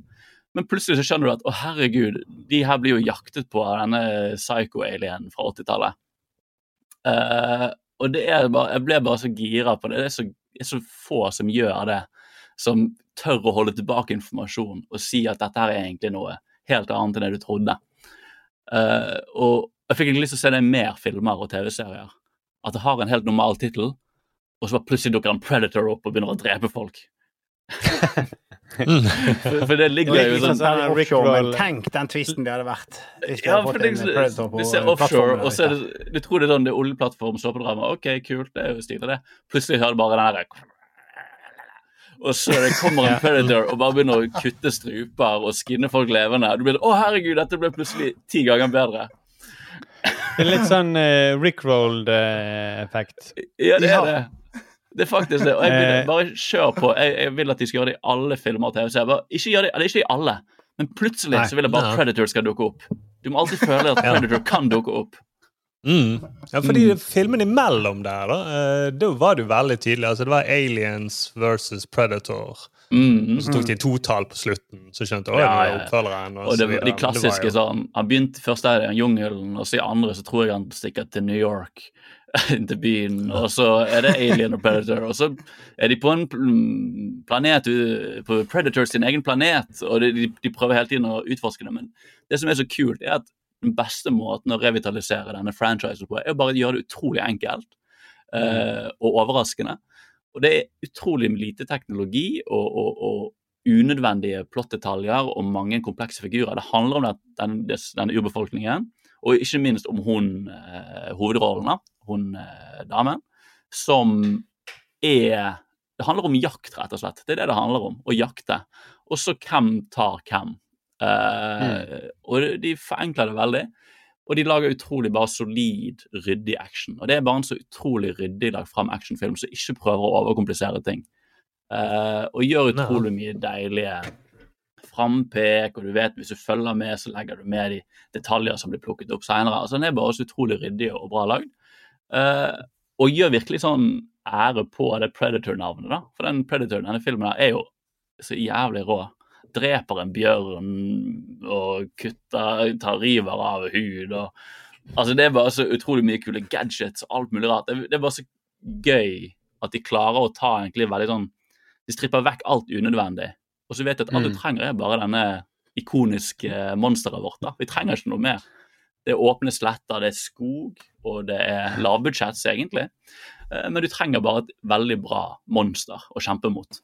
Um, så er det mer bra. Jeg, jeg, jeg støtter den her, at den eh, plutselig dukker opp. Det er litt sånn som jeg så fra From Dusk to Dawn. husker jeg. Som Mm. plutselig Ja. bare midtveis i filmen bare blir Oi, det blir en sånn Ja. vampyrspletter-film, liksom. Ja, det, Mm. det, den, er- det, akkurat den filmen hadde jeg nøyaktig det, den reaksjonen på. Hvor jeg bare så en sein på, på TV fra, fra Dusk to Dawn. Og det er Quentin Tarantino og George Clooney. Du tenker herregud, dette er jo kult. Og plutselig så er det bare masse vampyrer som dukker opp. Og, Ja, det, er Det skjer veldig brått. Ja, det er det så stilig når eh, man klarer faktisk å bli overrasket. da. Spilt i en sjanger man føler man har, man har sett alltid. da. Så det er kult når de Mm. likevel klarer å gjøre manøvre som tar det litt på sengen. For du har jo lyst til å bli overrasket. Det er liksom det. Mm. Alien-filmen, Den første Alien-filmen er jo litt den sånn òg. At eh, det er først ute i halvveis ute i filmen at det virkelig går gale. og Mhm. Med mye drap osv. Mm. Før det så er han ganske rolig. Altså Du får litt sånn snikende følelse om at noe ikke stemmer, selvfølgelig. Men Mm. uh, du tenker ikke at det skal gå den retningen. At noe popper ut av magen uh, og etter hvert Ja, for- begynner å spise opp hele besetningen. Ja, for det er sånne filmer som handler om håndverk. ikke sant? Altså, det handler om å bruke filmspråket riktig. altså Enten det er action eller skrekkfilm. Man kan få utrolig mye ut av lite, så lenge man vet hvordan man skal koreografere en actionscene eller filme for å lage spenning. Man trenger virkelig ikke så mye unødvendige karakterer som har masse personlige bakhistorier, og som man har sett før i forskjellige varianter. og sånn. Det er liksom ja, man kan, det, det, bri, det er nesten en film som nesten brifer litt. Viser Så enkelt kan det gjøres. Så enkelt kan det underholdes. Vi trenger ikke Og spesielt i en sånn Marvel-verden. Så er det så Ja. deilig å se filmer som bare ser veldig håndlaget ut, minimalt med digitale effekter, eh, og bare viser en sånn solid eh, eh, action. da. Det er liksom som med, med Top Gun Maverick òg. Jeg vet ikke om hvis folk har fått den med seg eh, her i podden, men den viser også at la oss bare filme fly på riktig måte. Fly fly som går fort og alt det der. Oss bare filmer det på en god måte, så blir det plutselig det mest populære filmen hele år. Bare fordi at de, de tar filmhåndverket seriøst. da. Veldig kult. Eh, men nå eh, må vi faktisk eh, rekke å snakke om dette.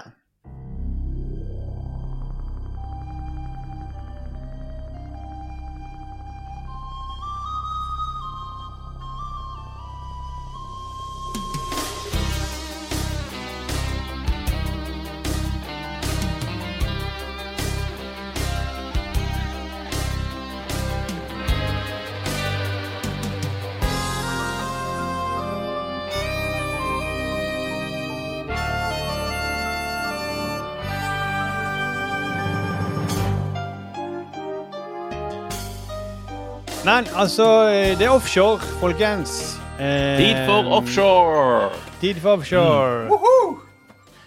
Eh, vi har jo da Arild har jo ikke sett første episoden. men men, men, men, eh, men jeg, er, jeg er jo litt inne i universet, da. Men nå er jeg spent på om de karakterene jeg har blitt glad i i sesong tre, episode én, er med i episode én, sesong én. Mm. Fordi det kan vi bare si med en gang, eh, at eh, vi, Jeg så jo også første episode. Det føltes som å bare komme inn i episode tre, sesong tre det år. For det, det skjer veldig mye. Eh, Du ble kastet inn i handlingen, ja. Definitivt. Så jeg vet ikke om det var så stor forskjell å se den først, aller første og eh, den første i sesong tre. Men Thomas, eh, kan ikke du bare kjapt uh, oppsummere liksom, handlingen i den første episoden?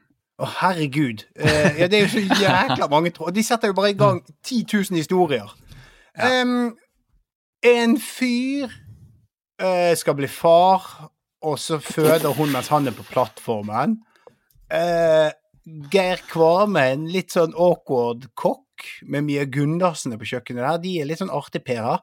Det er en sånn sjef fra et norsk sjef fra et amerikansk oljeselskap som er ute på den der eh, Han har ny, sikkert nylig tatt over dette Nylig tatt over, er sånn på inspeksjon og er liksom kly... Veldig Altså, det vil si, alle karakterene er veldig én til én. Du skjønner hvem som er ond og hvem som er god. Eh, Det er veldig åpenbar fordeling. Du skjønner det veldig godt med han, for han sier sånn eh, Han sier det er sikkerhetskurs, eh, det er betalt av selskapet.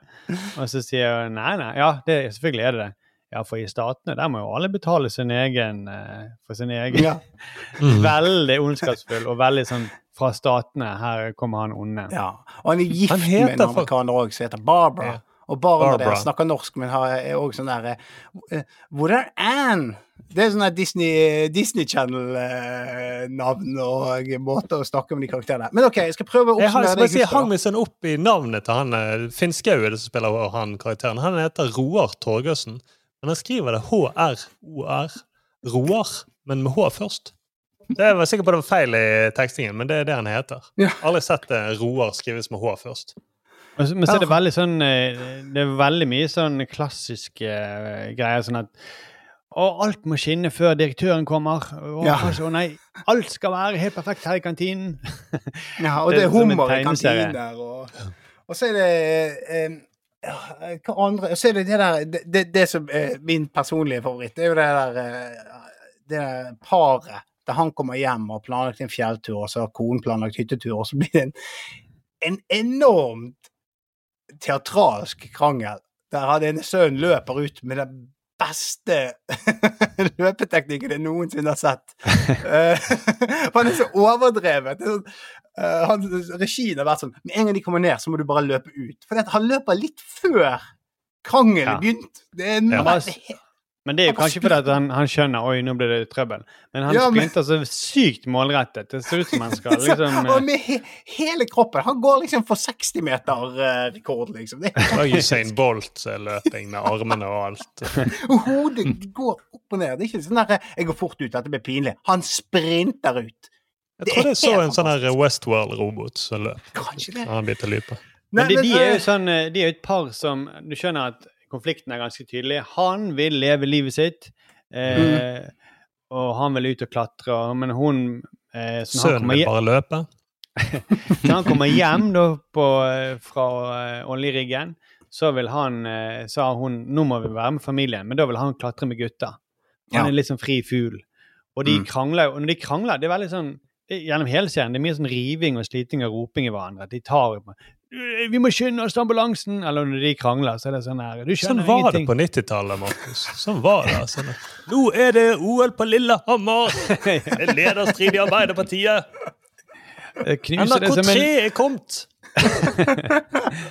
Men de driver, og så, de driver jo nesten slåss, da, og så plutselig så bare Så ligger de sammen.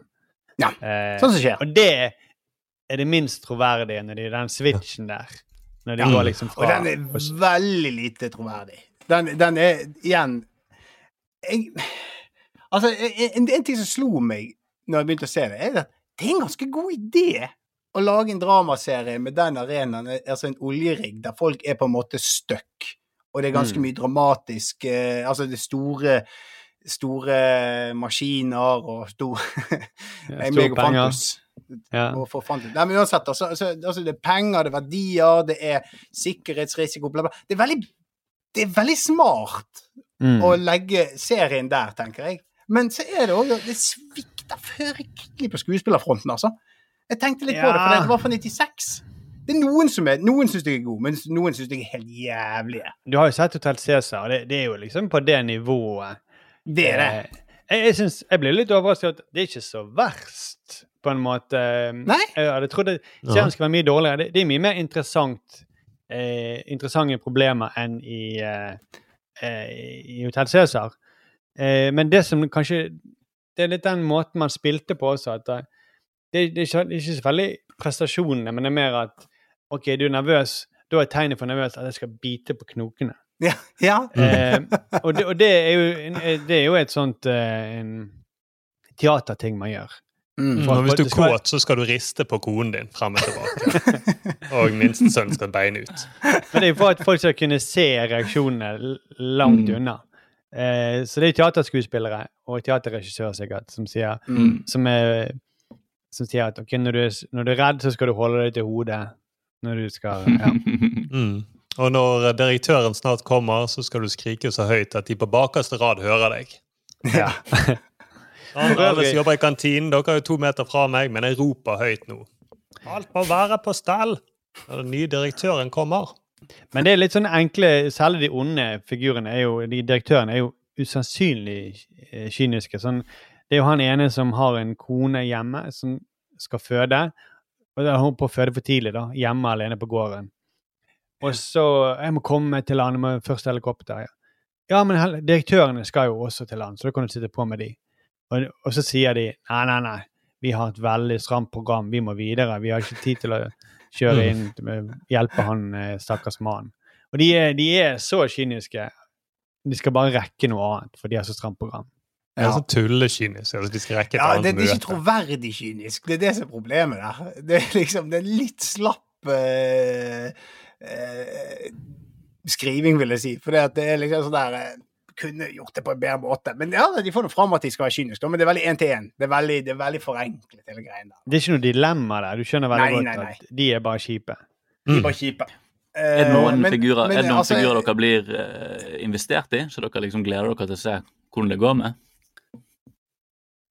Det du skjønner, er at han ene fagforeningsmannen på, eh, eh, på riggen, han har et eller annet gammelt eh, til felles med han nye direktøren. De har vært på rigg sammen i gamle dager. Mm, I USA. Ja, i, og da er det men, Og han, han bruker det mot han direktøren. Sånn at, eh, han får han til å ta med til land, da. Han eh, Mm. stakkars mannen Mm. som har en fødende kone. Eh, fordi at du vil vel ikke Jeg skal si eh, hvor plutselig kommer på alle disse tingene fra det Disse som gamle Der er det noe spennende, Ja. der er noe Ja. spennende som tenker, og dette her er en gøy dynamikk som du vil følge med videre på. Mm. Mm. Eh, og så er det jo eh, Altså han Kvarme, tror jeg de, de folka på kjøkkenet Det blir sikkert gøy å følge Mia Gundersen og han er Kvarme. Ja. Ja, jeg tror de vil finne på noe morsomme pranks. De lurte jo allerede hun ene litt nye, virker det som, hun i kantinen med å si at hun måtte lage fuglemat. Og da måtte Ja. hun drive og hakke opp eh, noe smørbrød med laks og eggerøre. Men så vil si at eh, fuglemat betyr jo at det er mat til pilotene, sånn at de får med seg en matpakke. Så jeg glem det til neste prank. Men den var så utrolig. Jeg følte ikke noe, eller fikk ikke noe liksom barne-TV-feeling når vi kom inn på kjøkkenet. For det, det var så utrolig annen energi der inne. Og så er jo det sånn teatermorsomt. Så er det sånn ha-ha-ha! Du, Han snakker med en sånn krabbe og bruker klørne til å snakke med. Det er jo litt bare Labbetuss. Labbetuss sånn hele greia. Og så er jo Geir Kvam har vel spilt i sånn her, eh, en del sånn der eh, barne-TV òg, så jeg fikk i hvert fall veldig den feelingen der, da. Og så er jo det eh, Ja, men det var i jeg, hvert fall det jeg, jeg tenkte. jeg tenkte, jeg hørte jo på hvis har bare hørte lite klipp. For jeg når jeg så serien, tenkte jeg sånn Å, dette minner, kom jeg på, dette ligner jo selvfølgelig på eh, Vi skal bare spille det klippet, Sturle.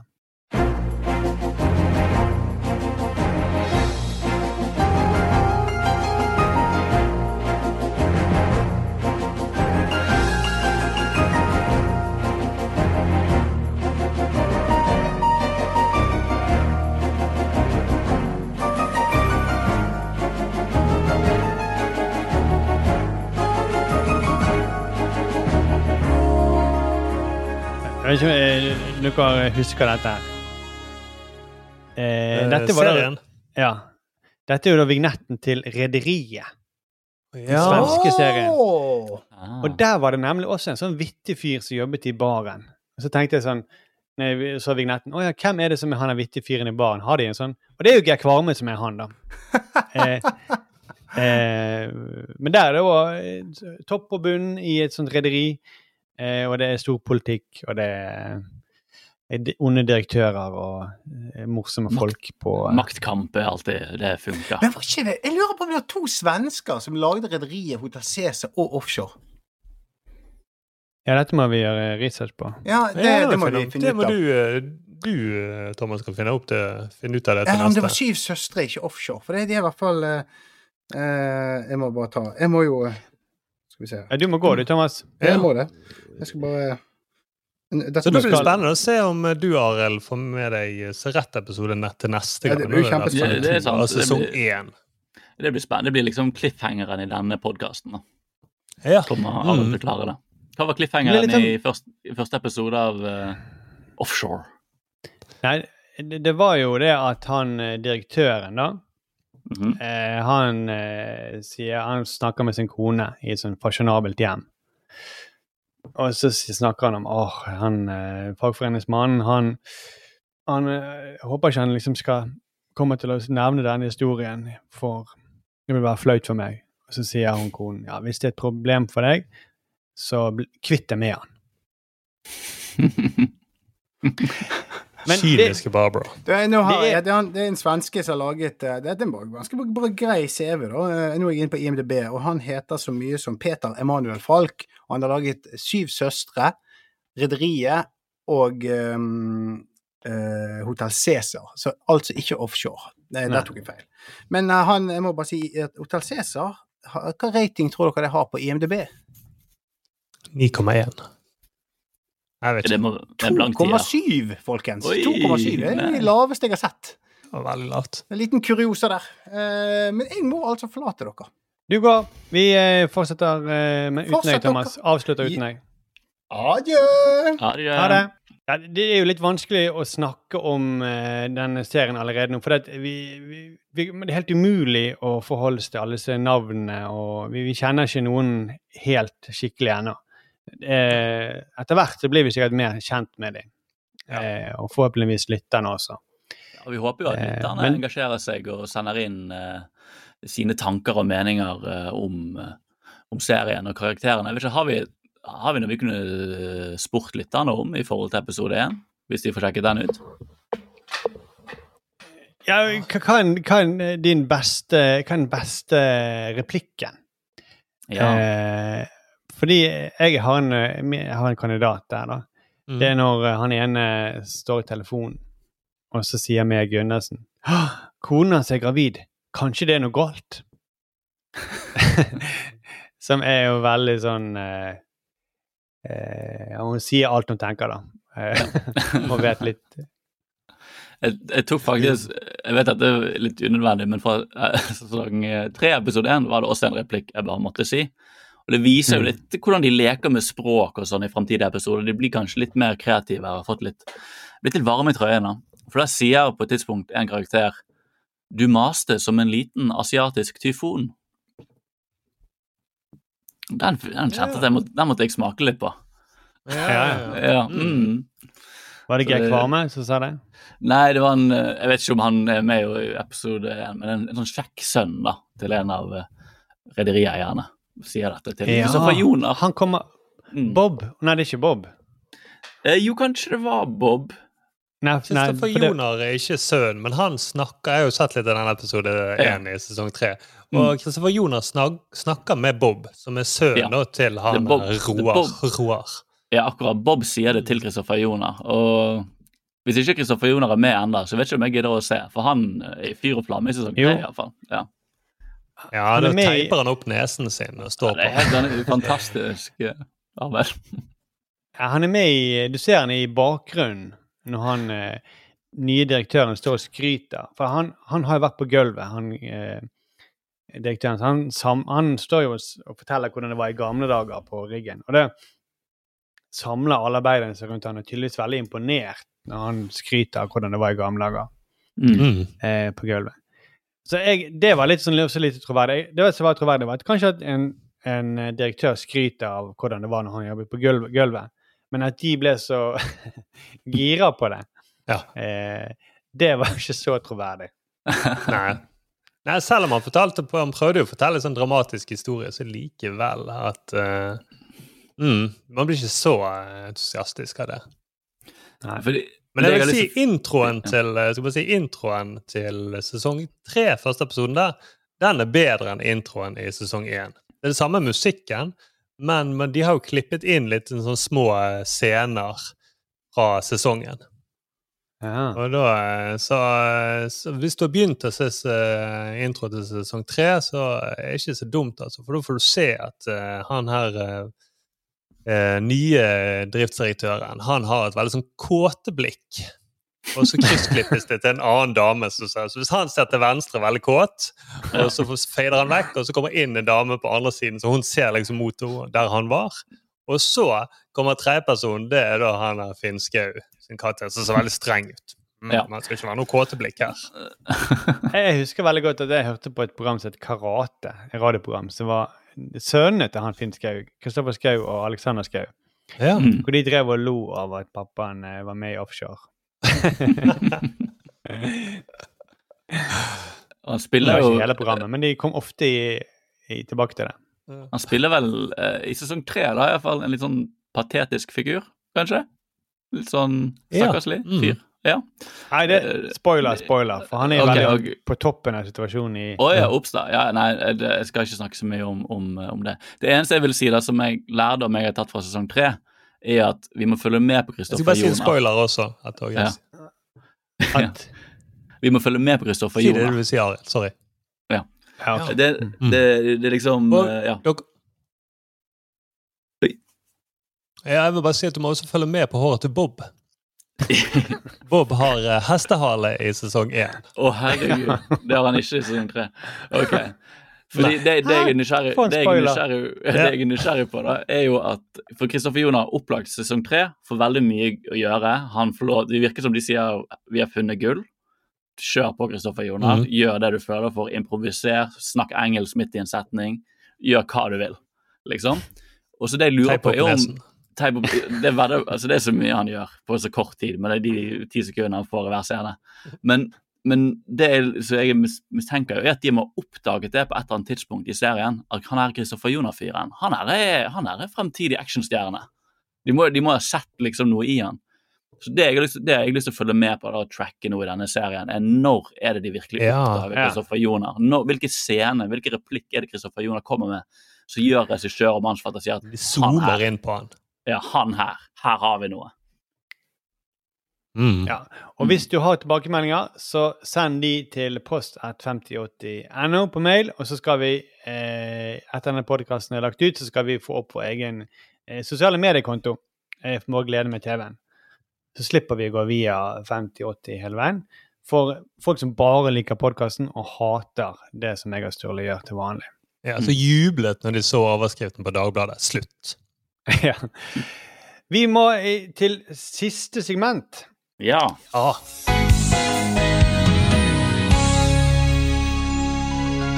Fordi at eh, da er det jo Vi skal eh, Vi er blitt enige om vi skal se noe veldig folkelig. Ukens snakkis kaller du det Mhm. for, Arild. Mhm. eh, jeg kaller det for uh, ukens watercooler challenge. Eh, for det Jeg vet at Men det, hører, det, høres ut som du opp, det høres ut som at du oppfordrer folk til å si noe drøyt rundt watercooleren. Eller skal vi tømme watercooleren over seg? Jeg tror det var sånn Ice Bucket Challenge. Ja, det er sånn Dagbladet-overskrift, så du blir lurt. Hæ, en eh, watercooler challenge? Og så går du inn Å ja, det er sånn man skal snakke om, ja. Eh, De bare setter Det NRK på. noe challenge, egentlig. Ja. Mm. Du må høre hele podkasten før du skjønner poenget. Mm. Ja. Mm. Men da er det da Vi, vi er blitt enige om vi skal se eh, Venns beste venn, er det det det heter? Ja, ny serie på NRK som begynner nå på lørdag, da, når vi, denne kommer ut. Eh, Verdens mm. beste venner. Eh, Ja. Som da er høsten, nye lørdagssatsingen i høst på NRK. Eh, Liven Elvik, Anna Tørnquist. De skal utfordre kjente vennepar. Mm. Hvilke av vil stikker av med tittelen 'Verdens beste venner'? Det er premisset. Jeg liker jo både Liven Tørnquist Men jeg sier Tørnquist har dumpet uh, han her uh, Jan Thomas? Har ikke de en Ja. sånn her uh, Ja, faktisk. Det burde jo, de burde jo hatt Jan Thomas. Jan Thomas burde jo vært uh, programledermakkeren. Ok, dette ja, ja, Mm. Men det kommer vel en Dagbladet-overskrift da. Slutt. Men det er det vi skal gjøre. Ferdig. Eh, Men eh, ja, fordi eh, det, det, jeg må bare si at eh, jeg liker Tørnquist, jeg liker Live Nelvik. Mm. Men eh, det høres jo eh, ganske kjedelig ut. eh, Det høres folkelig folkelig ut, Markus. Det høres folkelig ut. Nå må ikke du Ja. eh, sitte på den jeg- høye hesten din på en pidestall. Ja. Jeg bare sier jeg håper ikke Jeg bare sier jeg håper ikke jeg, ble det er jeg som må se den. Det er bare det jeg sier. Ja, for det vi skal Ja. gjøre Eh, nå Vi skal trekke eh, et navn fra, eh, fra noen lapper som jeg har forberedt. Og den vi trekker navnet til, det er den som må se denne folkelige eh, lørdagssatsingen til NRK. Mm. Thomas er jo ikke her. Eh, han måtte gå. Eh, skal vi Mm. ringe til han mens vi trekker? Vi, Ja, vi, vi kan jo prøve det, hvis ikke han er kjempestresset på vei til flyplassen. Men det er verdt det. Det er verdt det. Han må få med seg dette. Tenk hvis det blir han. Hallo, du, nå skal vi eh, Kan du være på speaker bare mens vi trekker? Eh, jeg har en mistanke om at det er en rigget trekning, men ja, greit. nei, det, det, det er Arild Arild som har fikset. Meg og Fire lapper. Herregud, spennende. Ja. Eh, Fire lapper oppi der. Fire Mm. lapper. Arild eh, trekker.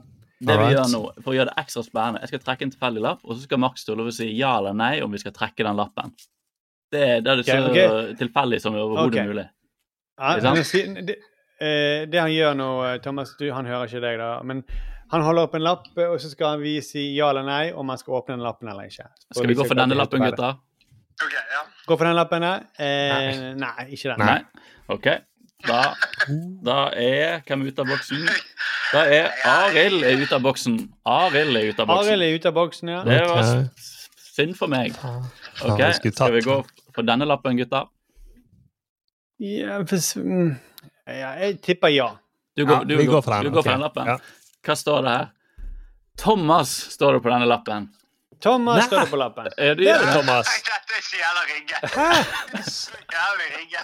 Hva er oddsen for det, egentlig? Dere snakker om at jeg er den korrupte i den, eh, i den eh, lille strømmeboysen. Vi tjener ingenting penger. Vi tjener ingenting penger. Jeg legger på, jeg, Thomas. Vi tjener ingenting penger på det. Det er det som er korrupt.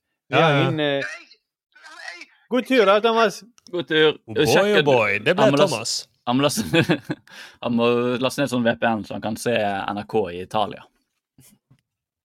Ja. Men eh, ja, vi- kan vel si til lytterne våre at det sto Thomas på alle lappene. Det gjorde selvfølgelig så det Thomas på alle lappene. Jo, det. Det var det Thomas mistenkte. Det var derfor han gikk så veldig i angrepsposisjon. Ja, ja, ja, han vite det? Det noen som tipset denne korrupte politifolk. Mm. Minst en korrupt hjerne tenker sånn. Så. Hva ville han gjort? Er det jo det han tenker? Men vi syns jo Thomas eh, fortjener å starte denne nye spalten. da. Vi tror han blir en veldig god førstekandidat. Og så skal vi selvfølgelig gjøre det tilfeldig i framtiden. Ja, Og fordi han, han kan trenge en bestevenn også. Mm. ja, eh, han vet hvordan Man må lære seg litt hvordan vennskap fungerer. Ja, Man må stole på de som trekker lappene. Ja, vi vil ikke endre, vi vil ikke slutte å jukse før han eh, stoler på oss. Ja. Mm, så jeg håper det blir sånn selvhjelpsprogram for Thomas. dette. For det er en slags karmaleksjon. Ja, det er en slags karmaleksjon for han. Han, Ja. han, eh, Så lenge han mistror oss, så vil vi fortsette å opptre Altså, what comes around, goes around. Mm. Ja. Og så lærer han at eh, når han skal snakke om hva han har sett, så må ikke han kopiere Arild. Altså de andre deltakerne. Så det er ikke sånn bestevenner gjør. Her er det mye å lære for Thomas.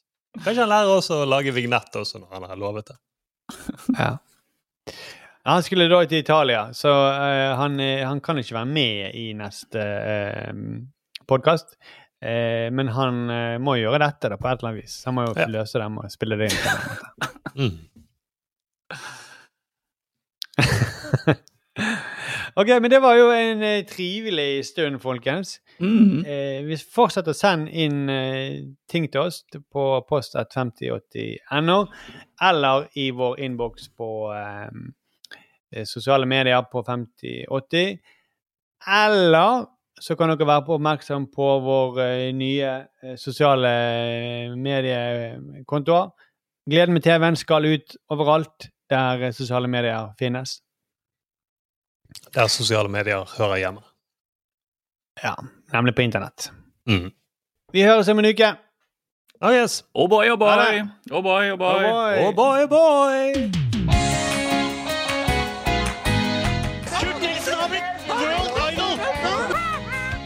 Det gjør ikke Ja, jeg brøler gjerne. Det var helt ærlig, så tror jeg ikke smakte det der.